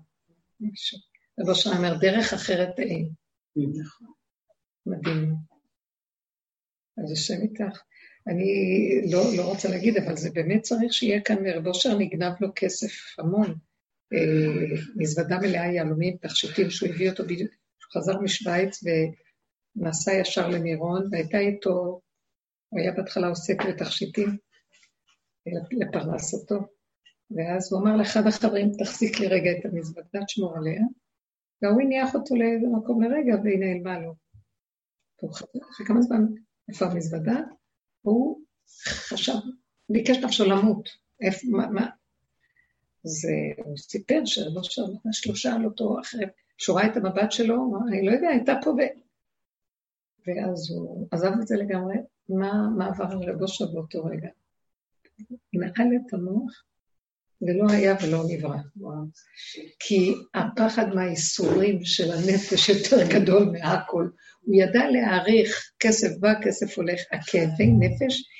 אני מסתכלת על זה ואני אומרת, זה הקמת השכינה. הוא לא נתן לעצמו לצער את כוח הנפש, מה שהוא לא נתן לעצמו, זאת כל עבודתו, שנים, שאין עולם. בשנייה יש, בשנייה אין, אין לי כלום בעולם הזה וכלום לא שייך אליי. אבל זה גם נטייה גברית. איך? זה גם נטייה גברית, משהו שגברים יכולים לעשות הרבה יותר. זה לא גברים, רב אושר היה נוקבה של הנוקבה, את יודעת איזה אדם הוא היה. יש איזושהי רמה. אבל בסדר, יכול להיות שאצלו יש יכולת, הנושא השכלי הזה של עבודה, שהוא לקח את זה ברצינות ועבד, לתת עבודה. כי עכשיו אני אומרת, מה זה, הוא היה גיבור? הוא הוא היה חלש יותר מכולנו, הוא לא יכול היה לסבול את הכאב לכן. אתם מבינים איזה חולשה? ואני אומרת, הוא היה גיבור, התגבר על יצרו, אומר, לא, לא, לא התגברתי, לא יכולתי להכיל. בדיוק זה בא מהכיוון ההפוך. ואנחנו יכולים להכיל, בוא נסבול. לא יכולה להכיל, לא רוצה להכיל, שלום על ישראל, אין לי כלי לזה, נגמר לי הכלים. התרוקנתי כלה ונפסד, אין כלום, אני כלה שלך, תעשה מה שאתה רוצה איתי, אני לא יכולה. זה לא יאומן. זה רחמי השם יתברך, כשאנחנו עובדים ככה זה רחמי השם יתברך, ממש רחמים. כן, אבל אנחנו הולכים לסדר את זה, הולכים לפסיכולוגים. כשאנחנו נכנסים לתוך זה ומתרחבים, וכבר זה נכנס, חודר, חודר לדמיונות של הבשר, זה לא בשר באמת, כי אם היינו בבשר באמת זה היה נגמר, אבל אנחנו כאילו מפנימים, מפנימים מאיפה? במוח יש גם החצנה וגם הפנמה. המוח יש לו כמה חלקים, יש לו החלק הפנימי שלו, גם, הוא גם מדומיין על הפנימיות. ונדמה שאנחנו מפנימים, אבל באמת באמת, אז הולכים לכל מיני, שיטפלו בנו. ומילא היינו, למה אני אומרת לכל מיני? כי אף פעם זה לא נגמר באחד. הולכים אחד, אומר, אבל יש אחד יותר טוב, בואי ניקח אותו, והוא אוכל יותר טוב, ההוא אומר לך יותר טוב, יש אחד, וכל היום רצים כמו איזה משוגעים שרצים אחרי הזנב שלהם לחפש משהו יותר טוב לטיפולים, למזור, שמחפשים ואין מזור ואין מרפא. זה לא יאומן איזה תעשייה שלמה וכבדה יש סביב הדבר הזה. וסביב הנפש הזאת, ואתם יודעים משהו, לא גלה, העבודה הזאת נתנה לי את הגילוי המדהים הזה. רבותיי, אין נפש, זה דמיון אחד גדול. אין נפש. ויהי אבדה נפש. כתוב שבת ויהי נפש, יום השישי ויחו השמיים והארץ, וכל צבא, ויחי אלוהים ביום השביעי מלאכתו אשר עשה, וישבות ביום השביעי מכל מלאכתו אשר עשה, ויברכם אלוהים יום השביעי וישדש אותו כי בו שבת ויהי נפש. אז מה רש"י אומר על שבת נפש, על המילה ויהי נפש? ויהי אבדה נפש. אין יותר נפש. כמה היא מלאה את האדם. מה זה הנפש? זה שערות הרגש, הנפש. זה, נפש זה רגש, תוואים, מידות, שערה, למעלה, למעלה. נפש חיה. נפש, החיה שבאדם, מאוד מאוד יפה, החיה שבאדם. אז הנשמה, אין לה כאבים? אה? הנשמה, אין לה כאבים, היא בכלל לא... הנשמה זה סוג של כאבים אחרים. נפש חיה זה טוב, זה הדרך ליחידה.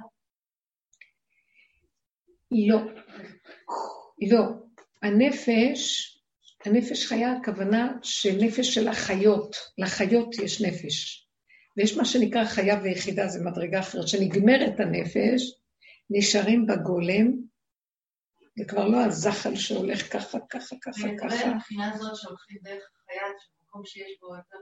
אה, כשיורדים לנפש, ונגמר גם הנפש, מגיע הגולם, שם יש יסוד החיה. בגולם יש לו דרגה של חושים דקים וחיים מאוד, דרוכים וערניים, ודרכם הוא רואה את העולם. זו חוכמה מאוד גדולה שם. זה מדהים, מדהים לראות את זה. מדהים לראות, אני פשוט חוויתי את זה, שלא יודעת איך, הייתי עם הנכד שלי והוא עבר, אה,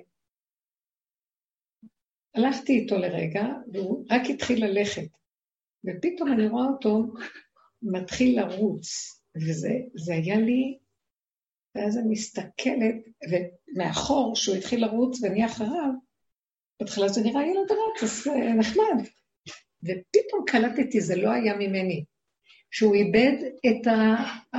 היה מדרון קטן, קטן מאוד, אבל הוא איבד, הוא מאוד היה קל כזה, והוא איבד את האחיזה, והוא כבר רץ לא מעצמו בכלל, ויכול להידרדר למטה, ו... ותפסתי כזה ריצה לתפוס אותו, אבל ראיתי ש... כי מאחור זה לא היה נראה, זה היה נראה כאילו הוא רץ לא יפה.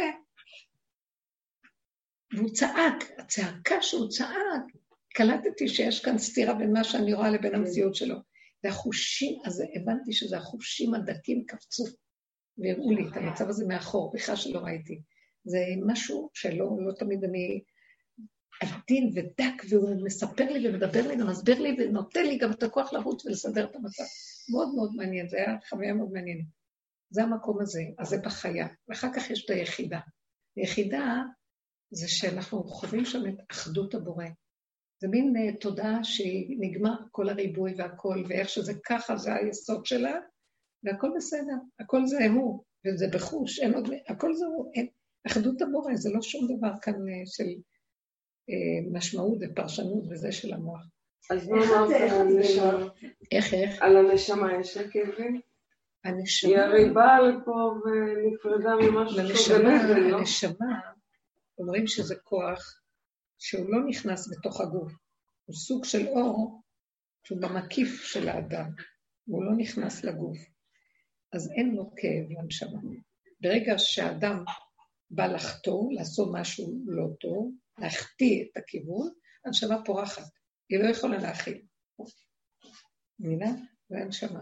אבל אומרים נגיד שבלילה, יש מה שנקרא כאבי רוח, מה שנקרא חולי רוח. כאבים בדעת, כאבים ברוחניים.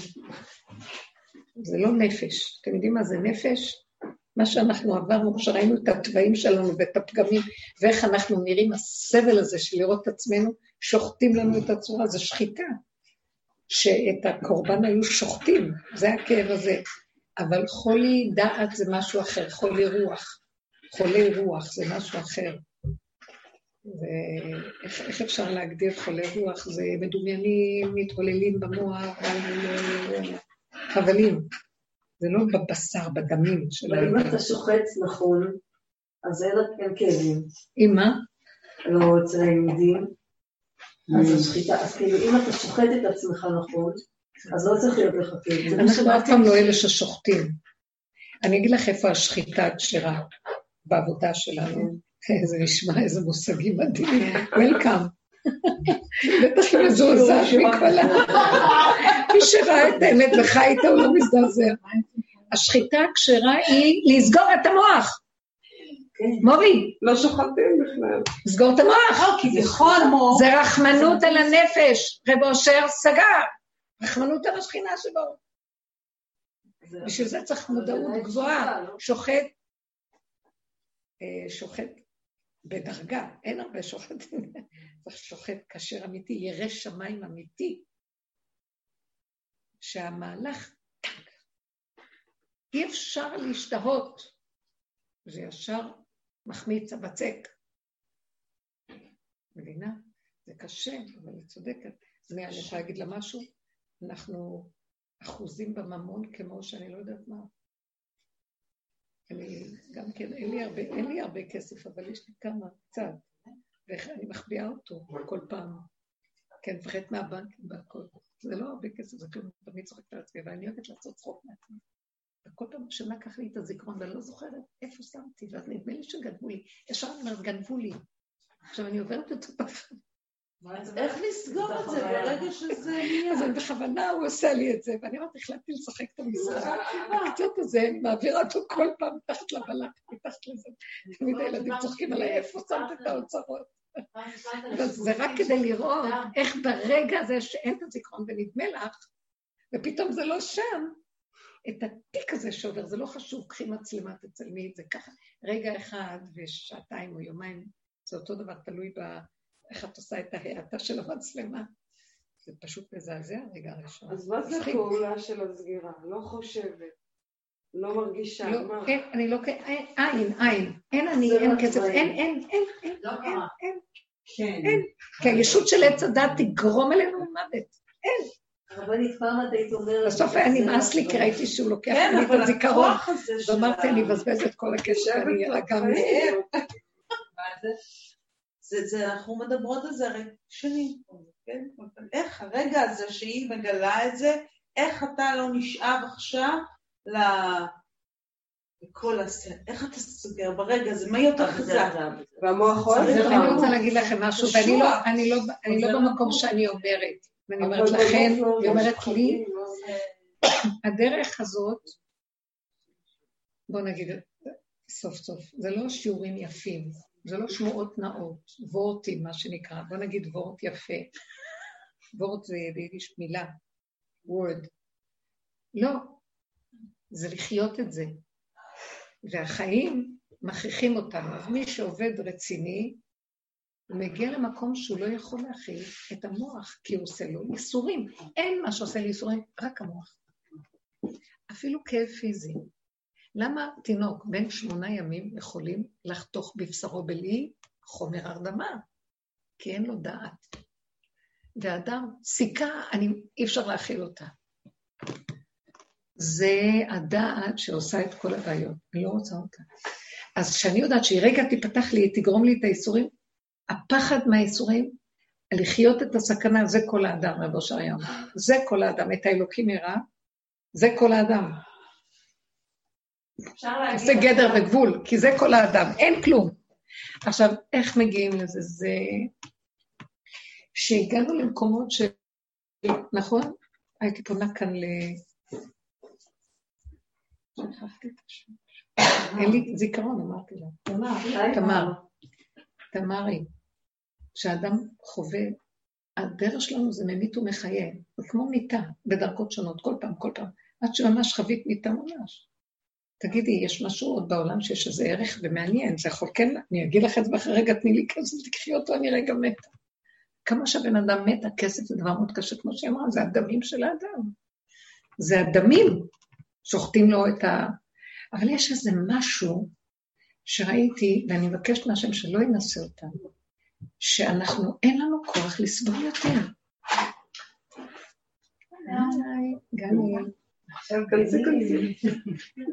אין לנו כוח יותר לשאת ולסבול. מגיע קצה, הגבוליות של היכולת להכיל. אין כוח הכלה, זה נקרא כלה. כשאין לה כוח הכלה. היא כלי ריק, הכלה. קלה ונפסד. אין לה כוח להכיל. אין לה מוח באותו זמן, אין לה משמעות שזה כסף. את יודעת, זה, זה רק דמיון, כי הכסף הזה זה ניירות. איך הוליכו אותנו שולל עם הדבר הזה? זה מזימה מאוד נעלמה בעולם. מטבעות, זה שגומרים על הבן אדם. מה זה כולו נייר? למה הצבע שלו והצורה שלו עושה לי אה, ממשות כזאת או כזאת, כשהוא בעצם רק נייר? כמה מסתתר מאחוריו משמעות? כמה אנחנו נותנים לו כוח? תקשיבו, רק להסתכל על זה, זה למות מכאבים. יותר טוב שתביאו לי קילו סוכר בעד, בר, מה שנקרא ברטל? ברטל. ברטל. להחליף דבר בדבר יותר טוב, כי זה יותר אמיתי. נותנת לי במוחש משהו אמיתי. מה יש לי מהלירה הזאת פה? והיא ממיתה. ואיך אדם אוהב לספור ולשמוע? רק נצחק על זה פשוט. זה מזעזע. אבל הגורל רצה ש... גם היא תיגע בדיוק בזמן. אני יודעת מה רציתי להגיד, לא יודעת על מה דיברתי, ואמרתי רק את זה. כל החיים, כל החיים היה, כאילו עד היום יש את הקו הקדמוני הזה מצד שמאל, שאתה מסתכל ביתרה, הקו של המינוס הקדמוני. לא משנה מינוס, כולם יודעים, את הקו הקדמוני הזה. אז שנים, שנים זה היה, כשהתחילו עם הכרטיס, פתאום זה היה נראה לי רגע, איך יכול להיות, כאילו אין לי בכלל כסף. אז בואו נדמיין שהקו הזה, מה, בגלל עכשיו הקו הזה אני לא אקנה לילד שלי משהו? לא הגיוני. בגלל הקו הקטן הזה, אני עכשיו, אני מדרגת האדם, בגלל הקו הזה, זה מה שיכניע אותי. נכון, ואז אם הקו הזה איננו, אז אני, יש לי מלא כסף. נכון. וככה זה עובד. כאילו. אז מה עשית? לא היה חסר כלום. ככה צריך לעבוד. אבל היא חיה את זה, אני רק מדברת. אבל אתם לא מבינים, היא נתנה לי צ'ק של מיליון שקל. כן, היא נתנה לי צ'ק, יש לה צ'קים כאלה אמיתיים, אבל אה, כאלה מצחיקים יפה. לפקודת אה, זה וזה, מיליון שקל נתנה לי. אני מאוד מודה לך. אני אראה לכם אותו פעם. אני שומרת אותו לנצח. כל כך יפה, מצחיק. איך את עם הנרות חנוכה? פעם אה, דיברנו על זה שבעצם לעתיד לבוא, לא יגידו משמונה לאחד. ברמה של הריבוי והיחידה. רק שנייה אחת, שנייה אחת. זה שלי? לא, זה שלה. רק שנייה, אני רק אתקשר שנייה כדי שאני אזכור משהו. בעניין הזה שלך אני מתקשרת. רק שנייה, אני מקווה שאני...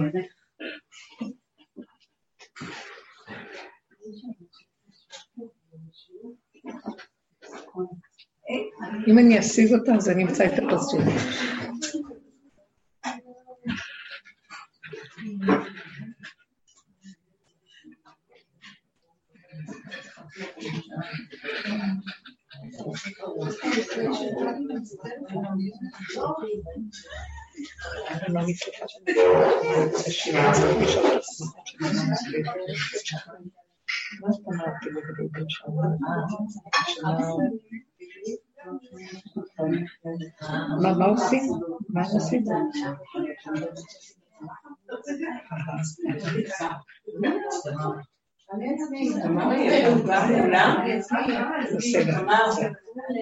תודה, תודה.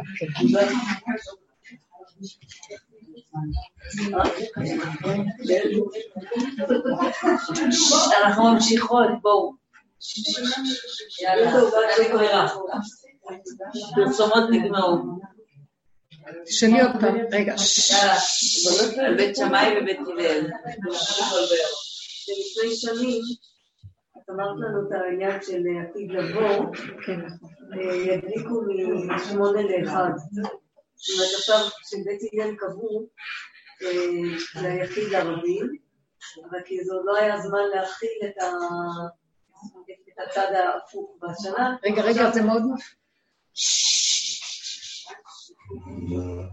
חשבתי איך את עם החלופייה לא, אני עכשיו אומרת ככה.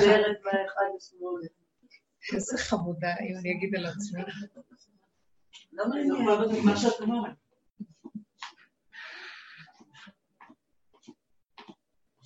מה שאני רוצה לומר הוא, לגבי עצמי, אה, אני בפנים, הדרך הזאת היא בית שמאי. כן. היא דרך הפוכה לעולם, בית שמאי הפוך. בית הלל אומרים שהשם יעשה את רשות, ה- את הבית, אה, את, את הרחוב רש, יחיד, רשות היחיד. בית בית הלל, בית הלל אומרים מוסיף והולך. שיקח את רשות היחיד ויעשה אותה רשות הרבים. ואילו בית שמאי אומרים שיעשו את הבית רשות הרבים. איך? מה הכוונה? לעשות את הבית רשות הרבים. בואו ניקח את העבודה שלנו. אם אנחנו הולכים בחוץ, בדרך, בעולם, בתודעת העולם, אנחנו, פחד, אנחנו לוקחים את העולם ואנחנו אומרים, אוי, העולם, זה, זה, זה, כמו שאמרה, חיסונים, עניינים. בית שמאי אומרים, תקחי את העולם ותעשי אותו, איך אמרתי? ביחיד. זאת, היחיד. זאת אומרת, לא, תקחי את הבית ותעשי אותו רשות הרבים. תחי את הסכנה של אנשי ביתך. תחי את הסכנה, את אומרת, הבית מוגן, אבל בחוץ מאוד לא. בית הלל כל כך חיים את הסכנה, כל כך חיים שכל רגע אני יכול ליפול, שבני ביתו הם אויביו, אנשי, אויבי איש אנשי ביתו. בעוד בית הלל אומר, לא, בחוץ יש אויבים, אז תיכנס לתוך הבית, אז יהיה לך רגוע. בית שער אומר, בתוך הבית יש לך סכנה, ייכנסו ויגנבו אבל. זה לא רק אנשי ביתך, זה גם אתה, הבית פה. בדיוק. אז קחי את זה ותגידי. אז תקחי את עכשיו את המקום הזה, ותראי כמה את, בית שמאי הולכים, לוקחים את הפנס ויורדים דק- דקות אחר דקות אחר דקות אחר דקות אחר דקות פנימה, עד שמפרקים את הדקה של הדקה, ואומרים, אתה האויב הכי גדול של עצמך. אתה חושב שהאויב זה השכן, או זה זה שאמר לי ככה, או אפילו לא הבעל, בוא נגיד, או אה, אה, אחד הילדים או משהו. אתה הסכנה הכי גדולה, אתה אב נזיקין. יש ארבע אבות נזיקין, אתה הכי גבוה מהם. כי אדם, אם הוא לא מכיר את עצמו, הסכנה הכי גדולה, אז נמצא שהם בעצם מדייקים על דיוק, על דיוק, על דיוק. זאת אומרת, הם מחפשים בחורים ובסדקים, כמו לפני הגאולה, אה, בפסח אנחנו מחפשים את החמץ בחורים ובסדקים, ולא מוכנים, אה, לא, לא מוותרים בפסח על החמץ בחהו, זה חומרת שוטים מקובלת, שנהיה כל כך נעשה שטויות, עד כדי כך כל כך מפחדים, יראה מאוד גבוהה. אז זה מה שנקרא שהם הולכים ופוחתים. הכוונה, כמו שנגיד, אנחנו הולכים ומפחיתים מהישות, מהחשיבות של העולם, פחות ופחות ופחות ופחות ופחות, דרך לראות את הסכנה, כמה שהכל כאן סכנה אחת גדולה. ועכשיו, כי אני חי כך, אז אם בא לי רגע משהו, מיד לסגור. אצל בית שמאי, מיד לסגור. אצל בית הלל, יש להם עוד אה, מה שנקרא רחמים על העולם, כאילו באיזשהו מקום עוד פשרה וחסד, כי יש שם חסד, כן, יש יותר חסד, רואים בחיוביות. בית שמאי זה עץ הדעת טוב. בית הלל. בית הלל, סליחה, זה עץ הדעת טוב. אז יש חסד לעומת השלילה. ואילו בית שמאי אומר, לא שלילה, לא חיוב. החיוב יותר גרוע מהשלילה, תחיה את הסכנה שלך כאן, מעוות לא יוכל לתקון עד הסוף. וזה ההנהגה שתהיה לעתיד לבוא. זאת הדרך בעצם, כאילו חשבתי על זה, אז הם אומרים בעצם מהאור בחוץ, נכון? לחזור לאט לאט לאט, והכי הרבה אור יש בעצם בתוך היחידה. כשאתה חוזר מהאור הגדול, מהכלל, אתה הולך פנימה. אדם חושב שהחיובי זה האור. לא, אני אומרת זה בית שמאי. בית שמאי הולכים. בית שמאי, אני אומרת לעתיד לבוא. אולי זה מחר על העתיד לבוא, לא יודעת. לא, אבל- בית שמאי הולכים ופוחתים. הגדלות של עץ הדעת הולכת, וככל שאדם נהיה מקצועי יותר, באמת, הוא חוזר לאבן, במקום בניין גדול, חוזר לאבן, אבן מעשו אבנים הייתה לראש פינה. ואילו בית הלל, מהאבן עושה עוד בניין ועוד ועוד ועוד, נהיה קומות, בדיוק שיטה הפוכה. הוא הולך בעולם, וזה הולך לכדור אחר. לכן לעתיד לבוא בית שמאי. גם אה, שיטת יצחק אבינו זה בית שמאי. לא נקרא לאברהם אבינו אבינו ולא ליעקב אבינו, רק ליצחק אבינו נקרא אבינו. וזה מה שנקרא, שהוא יטהר את, ה, את מה שנקרא, את החזיר עתיד להיטהר ואת כל הדברים. כי באמת... מנחה זה קו אמצע. הוא ירד איך? מנחה קו אמצע. כן. זאת אומרת, זאת אומרת, המקום הזה של איך שאנחנו רואים את התודעה של עץ הדת ילך ויבטל מן העולם, וניכנס לחושך היותר גדול, ושם החושך הזה, כי יתרון האור הבא מן החושך, יבוא האור הכי גדול, דווקא מהחושך הכי גדול. זה האור הגנוז. אנחנו מדליקים גם את הנר הזה ברמה הזאת של חושך והכול למטה ונמוך וקטן. כן? ואיזה אור גנוז, אנחנו לא רואים את זה בנרות האלה, אבל האור של חנוכה הוא מבחינת אור הגנוז, שאין לו שימוש. אסור באור הגנוז להיות עבד, בעבדות. אסור להיות... שבת. מבחינת שבת הכי גבוהה. כי אין שם פעולה, זה נעשה הכל לבד, אין למתת מלאכות, אין עבודה, אין כלום. חצי שעה אחת דקת נרות אסור לפעול, לעשות פעולות. כי אין פעולה, זה הכל פועל לבד, אל תפריע לדבר לפעול מעצמו, זה פועל. היא אמרה, למה אני אשים לב לקו? לכי תקני. למה את שמה לב למדינה ולעניינים שלה? את צריכה משהו, זה אמיתי יותר מהכל. תקשיבי מה שזה אומר לך, ולכי תקני. ואני אברך אותך, מה אכפת לך? אז התשישות, התשישות זה התשישות זה החושך שמתוכו יוצא האור? התשישות עוזרת לנו מאוד מאוד להסכים. בהתחלה אנחנו... אני אאבד את הכוחות, אני אאבד את, את התדמית שאני יכול, שאני עושה, שאני גדול, שאני פועל, שיש לי... לך, לך על הכלום, כלום, כלום, כלום. זה כאילו בחושך, תסכים. רגע של הסכמה אמיתית אמיתית, לא להתבלבל. עכשיו, מה עושים בחושך? יושבים ככה? לא נכון. הגוף ממשיך לרצות דברים, תעשי מה שהגוף רוצה, אבל בלי המוח הגדול שמשכנע אותו שיש זה וזה וזה וזה. תפעלי לפי היצריות הפשוטה שאת צריכה של הקיום. הוא מברך את הכל שם. זה אומנות מאוד מאוד גדולה. הנה, את בטבעך ככה נולדת. היא סיפרה לנו שלא היה אף פעם גרוש, ותמיד השיגה כל מה שהיא רוצה. מדהים. מה כל אחד מה יודע לעשות? זה פשוט, אם אנחנו רק קשובים למקום הפנימי, אבל אנחנו תרבות, אני באתי מכיוון הפוך, צריכה לפרק את כל התרבות כדי להגיע לזה. רק שלא תתקלקלי ונהפוך את הצורה. אולי לא? סתם. בהצלחה.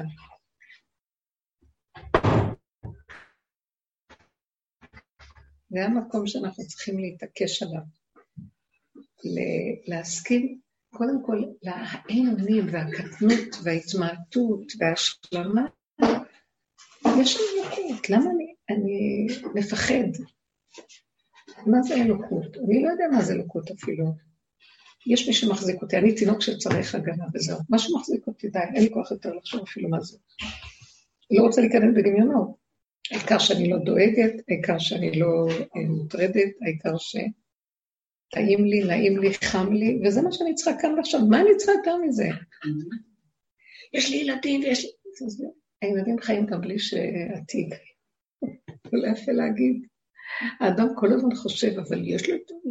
מכרנו את נפשנו לתפקידים ולכל הדברים, ואת עצמנו הפשוטה שכחנו, ולא מבינים שהתפקיד שלנו חי מהעצמיות הפשוטה, מהמהות הפשוטה, כשהיא מכווננת נכון. וזו האנרגיה שעוזרת גם לתפקיד ולמי ש... יש לך מה לעשות איתו. אבל אנחנו דורכים על החלק הזה ומסדרים לנו אנרגיות וכוחות לתפקד. איך אפשר? בכלל זה לא נכון, ויש תסכולים נוראים, ובסוף מי שחוטף זה הילדים. את התסכולים הם חוטפים. כדאי לשלח את האם. כן, שלח את האם, שילוח הקן. שלח את הטבע, האם זה מסמל את הטבע של התרבות של הגדלות. היא מתרחבת. ולחיות את המקום הקטן והנשימה, ואני ממש מתפעלת מזה, איך קיבלת כסף בחזרה. ממש. יום אחד אני ספרי לנו, זה מעניין. ספרי לנו, זה לא, בטח לא. אף אחד לא שומע. אבל זה באמת יפה, תראי איך שם אוהב אותה. הייתי, ביום הייתי לוחמת פיזית, לביאה, עשיתי את זה כנראה בדרך טוב נכונה, ובלילה... כן, כן. הכל צף חזק שוב. צף. אי אפשר לעמוד בזה. ממש, אני מבינה אותך. וואי, עברת חוויה של כמו למות, אה, שחיטה. החברה שהלכתי, אה, שתדקר אותי, אז היא אמרה לי שיש לי דופק של מישהו שאיבד, אה, של אבל, של מישהו שבאבל. של? מישהו שבאבל. הלכתי למישהי שתעשה לי דיקור, כן. שאני אוכל לישון נכון, יש נכון. באבל. נכון, זה כמו מיטה, זה מיטה. זה תהליך של מיטה, לוקחים לאדם את הדמים שלו. ממש שמיים.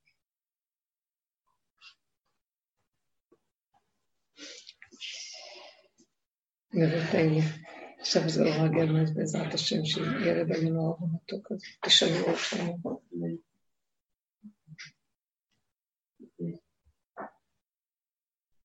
אבל כל העבודה שלנו זה לא להיכנס למחשבות.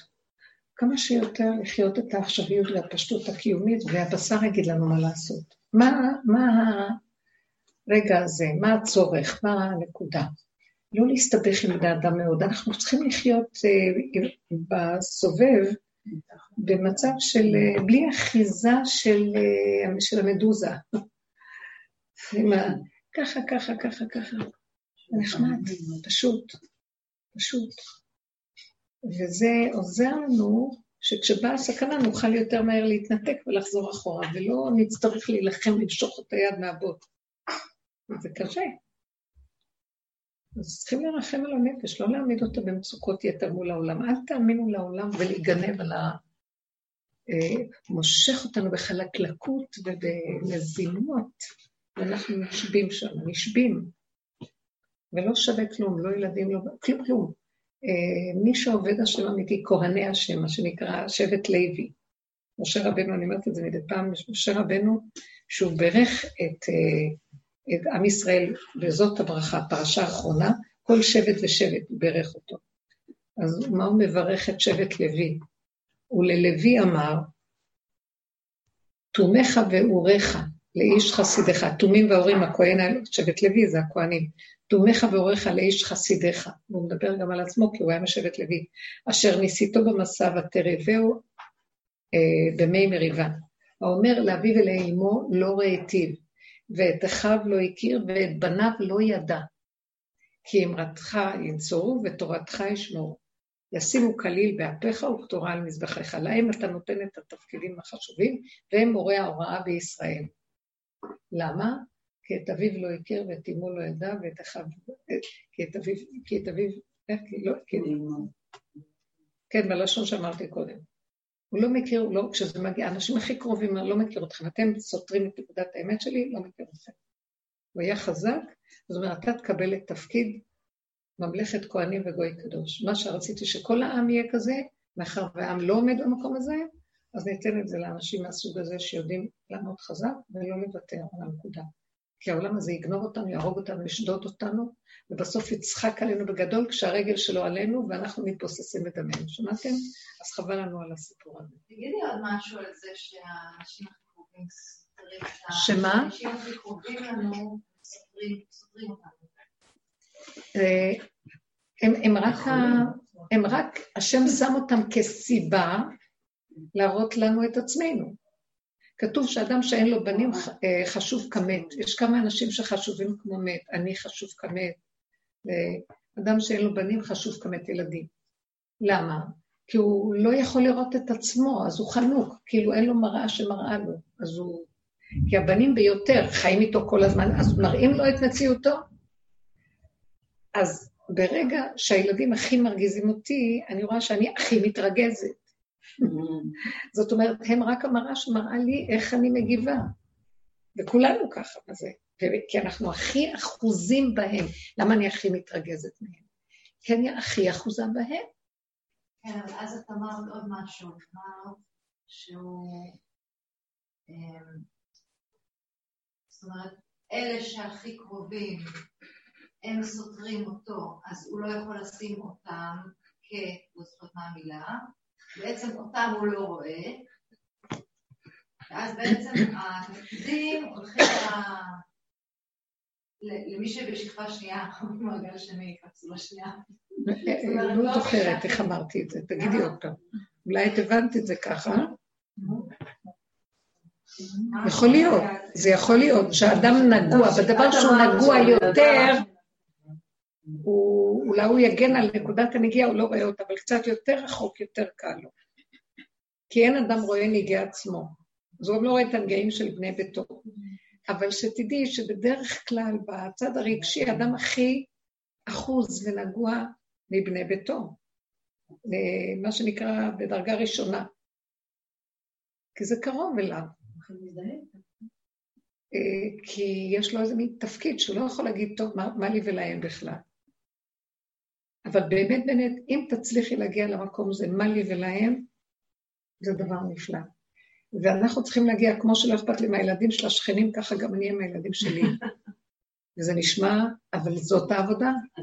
זאת התורה, אדם כי ימות באוהל. בואי תמידי את הנקודה של האימהות הטבעית, שהיא מצדיקה, למה היא צריכה כל רגע להישחט וימותו ולא בחוכמה, וכל הזמן נשחטים, ועל מה והם ירמו, הם יקומו, יגדלו, ילכו להם ויעשו את מה שהם רוצים בחיים, ומה אנחנו נשארים איתו? מי צריך את זה? אבל החוכמה היא, לא שאנחנו מפקירים אותם, הפוך על הפוך. ברגע שאני יודע לשמור על הנקודה שלי, ומתוך זה אני מתפקד נכון, אני גם מחנך אותם איך להתנהג נכון בעולם. הם דרכי, בלי מוסר ובלי קשקושי דיבורים, אני מראה להם דוגמה איך צריך להתהלך נכון, בלי רגשות וכל מיני שערות. אז זה מהלך של בדווקא כדאי לי להיות שם, זה לא אכזרי, זה נשמע אכזרי, מה לי ולהם. כי איך שזה עכשיו נראה יותר טוב. וזה שאין לו ילדים, מה הוא יכול לעשות?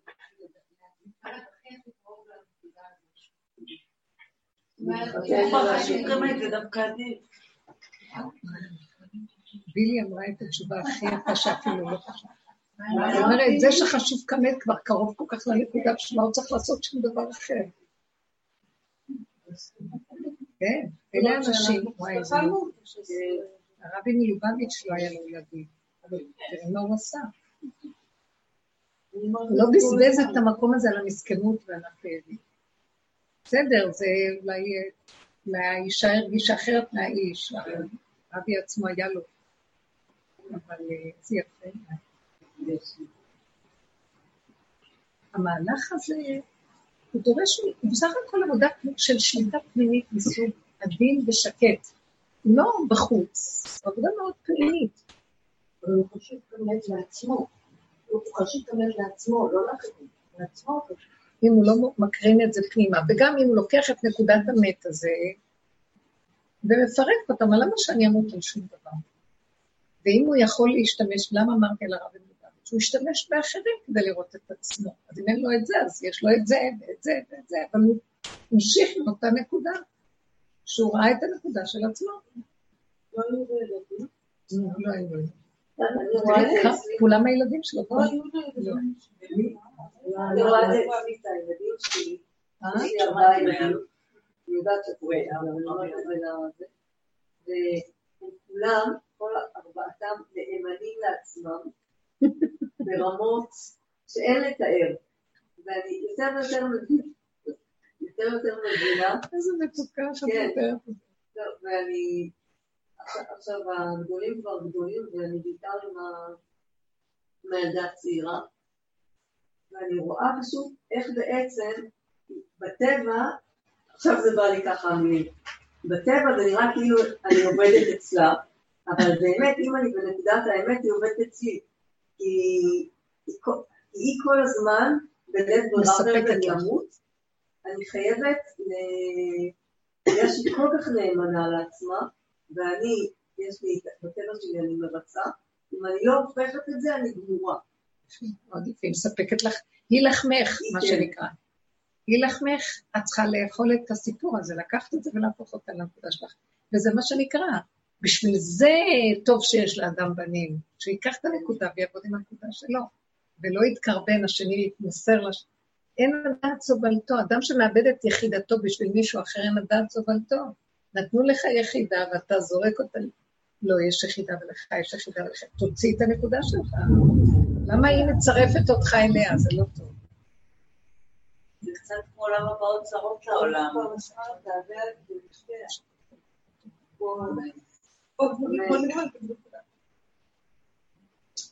זה פלא מדהים, איזה יום מקסים. שאתה בבית ובאמת כיף. תודה לך. חשבתי אותך לעבור בשלוליות עכשיו. איזה יופי. כאן אנחנו אומרים יופי יופי, פתאום עכשיו, ואם זה יהיה מבול עוד מעט. אנחנו איתך, אז אנחנו אומרים לך סירה שלך. אם אם יש מבול בחוץ, אז עם הרבנית להיות. זה מה שאמרתי. כן. זה כל הסיפור שלנו פה, אנחנו על סף גמר של התודעה ומתחילים להיכנס לתודעה חדשה, אנחנו במעבר, אנחנו במצב של מעבר.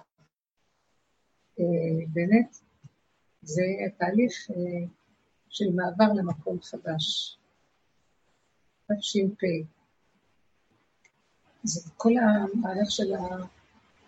תודעת עץ הדעת מתפרקת, והיא נכנסת למציאות של אה, מעשיות פשוטה, קיום פשוט של כאן ועכשיו, בלי לחשוב בלי כלום, ולהגיד תודה. אם נשאר לנו זה רק להתוודות על האמת, להגיד את נקודת האמת, שאנחנו בתוך שקר, ואחרי רגע להגיד תודה שאתה שומר עליי, אני לא רוצה להיות שייך. זה כל הזמן המקום, ולהישאר בפשטות הקיומית, איך שהיא ככה. שמה ככה, גלית תהיה המורה שלכם. אבל איך יודעים לי שאלה? איך יודעים מה? לא, אני עברתי עכשיו בדירה חדשה, גם. כן. ברמה של, רוצה לשאול משהו על כסף. כן, כן, כן. אם אנחנו, יש לנו עוד כמה דקות, מה? כן, לא בטוח. כן. אוקיי. אז אה, הילדה שלי הציעה שאנחנו נקנה איזה קורסה מסוימת, אוקיי? עכשיו, הסתכלתי על זה, זה לא משהו שאני חייבת איתו, אבל אני, אני, עכשיו, בטבע שלי אני כאילו אומרת, אה, לא, לא חייבים, כי זה לא מעט כסף, אבל אני יכולה להרשות לעצמי. לעבור דירה אחרת. לא, לא, לא. מה? יש אה, הרבה- גם אני- לא שמעתי לרגע. אוקיי, אז קצת איזה משהו רנדומלי על כסף. אני הסתכלתי עליו כאילו בתחילת השיעור, בתחילת הלמידה שלי. והיא הציעה, הילדה הציעה שאני אקנה איזה קורסה מסוימת. אני אהבתי את הקורסה הזאת, אבל היא עולה איזה סכום שזה נראה לי, נראה לי אה, בתפיסה הפולנית, קמצנית, לא יודעת מה, ההישרדותית, המחשבה של מה יהיה, ושאני צריכה לשמור לאחר כך וכולי, אז זה נראה לי מיותר. אבל באמת, כאילו, אם אני, מבחינת היופי והזה, אני חושבת שאני, למה לא? כי אני אומרת, ואז אני אומרת, אין, איזה סוף למה שבן אדם אה, רוצה להתמלא בכל... את זה פילסופים. אז איפה נמצאת נקודת היא? אמרה, יש כסף, תלכי תקני. כמו שהיא אמרה לנו עכשיו על הנקודה. אבל יש אלף דברים, כל הזמן, אז אם אלף דברים, אז זה לא. זה. מבינים? אם יש אלף דברים, זה המוח מדבר. כי המוח רואה שיש גם את זה וגם את זה, ומה יהיה בעתיד, ואם לא ככה, אז איך ככה, אז זה כבר יצאת מהנקודה. אם היינו באמת במקום החדש, לתודעה החדשה, באה יצריות, רואה דבר, רוצה, עושה, נגמר. וברכתיך בכל אשר תעשה. הברכה נפתחת, את קונה, מקבלת, הולכת, שלום, וזהו. לא לחשוב מה עשיתי, לא עשיתי, כן עשיתי. צריך? אין מוח בכלל. אה, שלום, אסור לפתוח את המוח. אם המוח נפתח, זהו, עכשיו את לא קונה. זה כבר יהיה לא טוב, כאילו, אה, טוב, כי היא מכריחה אותי, אני אלך. לא, זה בכלל, תראי, אם למשל במציאות של טבע, אתה הולך ברחוב, כן? רואה משהו, ואתה קונה אותו. במציאות של אינטרנט, זה אין סוף... אה, נכון. לכן זה לא אמת. זה לא האמת להיות במקום הזה דרך האינטרנט. לא, אני לא כי הבאתי את כל הרעיון זה שם זה שתראה המון המון דברים, ואז תתחיל להתבלבל, ואתה יוצא מה... אנחנו מדברים על מקום בכלל, בתודעה החדשה אין אינטרנט ואין שום דבר. אינטרנט זה וירטואלי. אה, אינטרנט זה באמת, זה לא שאני, זה מה שנקרא טכנולוגיה מאוד מעניינת, וזה מהשם יתברך. טכנולוגיה מדהימה, נפתח, עולם הגלגלים יורד לפה, עולם המכונה והגלגלים, זה הכל דרגות עליונות שיורדות לפה ומתגלמות בפועל ממש, שזה פלא פלאים. אבל התכנים שמכניסים מבלבלים מאוד את הבני אדם. מנצלים כל דבר שבא לפה, מנצלים אותו איך אה, להשתלט, איך אה, לגרום לעבדות של הצובב דרך... אז מתחילים להביא לך מלא תמונות, מלא חומרים, מלא... ואת מתבלבלת, את לא יכולה להכיל כבר, מספיק דבר אחד שראית, אז זה נחמד. אם זה היה נשאר בגדר האחד, שזה נשאר כל כך הרבה אפשרויות בחירה, זה, זה כבר, אז, אז זה לא אמת, את לא יכולה לעבוד עם זה כדי לקנות. כדי לקנות, את צריכה לסגור את זה וללכת בלי כלום. אנחנו צריכים להיות לא שייכים למכשיר הזה בכלל, כדי לחיות עם האמת. אלא אם כן אדם יודע להשתמש בזה רק לאיזו נקודה קטנה לצורך מסוים, ה-Waze או איזה דבר, שגם ה-Waze, אדם צריך לדעת... לא, גם חיפוש של דברים, זה פשוט צריך לעשות את זה בצמצום. הכל בפשטות, גם לא צריך הרבה, גם לא צריך לחפש, כי יש נקודת טאק. יכול להיות שרוצים לדעת קצת ידע, זה, זה כן שייך שיש ידע שם ויש... אבל לא להשתעבד ולהתמסר יותר מדי. זאת אומרת, זה מסמל את תודעת עץ הדת, עם הריבוי שלה, פשוט מאוד, למה לי להיכנס שם? מה יש לי? כאילו לא מראש להיכנס עכשיו ולחפש. אם אני עכשיו, היא באה אלייך, נניח, היא ישבה וחיפשה, אבל היא באה אלייך, אז היא סיבה בשבילך, סיבה, זה לא שאת ישבת וחיפשת. אני לא ישבתי. אז היא באה מבחוץ אלייך. לך לא היה נראה? כי התחלת לפתוח את המוח ולחשוב, עץ הדעת נפתח. לא, אני חשבתי על הנקודה הזאת, איפה... בגלל, בגלל האין סוף של החומר שהבן אדם רוצה, כי זה לא משנה, אחרי הדבר הזה שאני אקנה, יבוא עוד משהו שאני רוצה, זה מחשבה של עץ הדעת, למה יש אחרי? אוקיי. למה לדעת את זה בכלל? יש רק הרגע, והיא אמרה לך משהו. אז אני מפסידה את הרגע על ידי מחשבה כזאת, וזה בדיוק מה שעץ הדעת עושה. ואז אני לא יכול ליהנות מהחיים. כי יכולה להיות לי קורסה, ונגמר, לא הייתי חושבת על עוד משהו אחר, זה כלום, והייתי נהנית ממנה, את מבינה? אם האדם היה נשאר רק בגדר הזה. עכשיו, הרבה פעמים עולה לי פתאום איזה צורך, ואז אני אומרת, זה לא שם. אני אומרת לעצמי, אם אני באמת צריכה את זה, תזמן לי סיבה שתאפשר לי ללכת לקנות ולסדר את זה, כי אין זמן. ואני רואה אחרי כמה זמן נעלם לי הרצון בכלל, לא, אין, אין, אין שום דבר שמוביל ללכת לערכו של כלל. אז אני שוכחת את זה וזה. ואני משתמשת עם מה שיש. זה סיבות. יכולה לצרף תפילה. אולי אפשר, יש לי שאלה. בגלל שיש עץ הדת, אז צריך להתפלל. כשיגמר עץ הדת, גם תפילה וצריך. יכול. להיות שכדי, הרי הכל נובע מזה שיש לך מחשבות, אחת כזאת ואחת הפוכה. ואז אתה לא יודע מה אמיתי, זה השם שלח לי, גם זה השם שלח לי, לא יודע מה בלה בלה בלה. אז יכול להיות שהסימן הוא יהיה, מה שעושה לי מצוקה, אז זה לא מהשם. מה שעושה לי מצוקה זה כבר עץ הדעת, ואז... ההתרחבות, הצער, בלבולי מחשבה, יותר מדי אה, ביקורת, הרהורים, זמן, עבר, עתיד. התרביתי, יצאתי מהנקודה. כל הזמן לנסות, יכול להיות שזה יקרה לנו, אז ישר כשאנחנו מזהים את זה, נחזור לנקודה ונגמר זה הסימן. נגמר הסבל, מה אכפת לי קורסה, לא קורסה, אני לא רוצה לסבול. כן. אם כיף לי ומסתדר לי וגם יש לי קורסת, למה לא? ואם זה על חשבון זה לא שווה, זה העיקר זה הנפש רגועה, ממוקדת, וזאת הקורסה הכי נוחה שיש, הנפש ברגיעות. אין יותר מזה. ובחינם.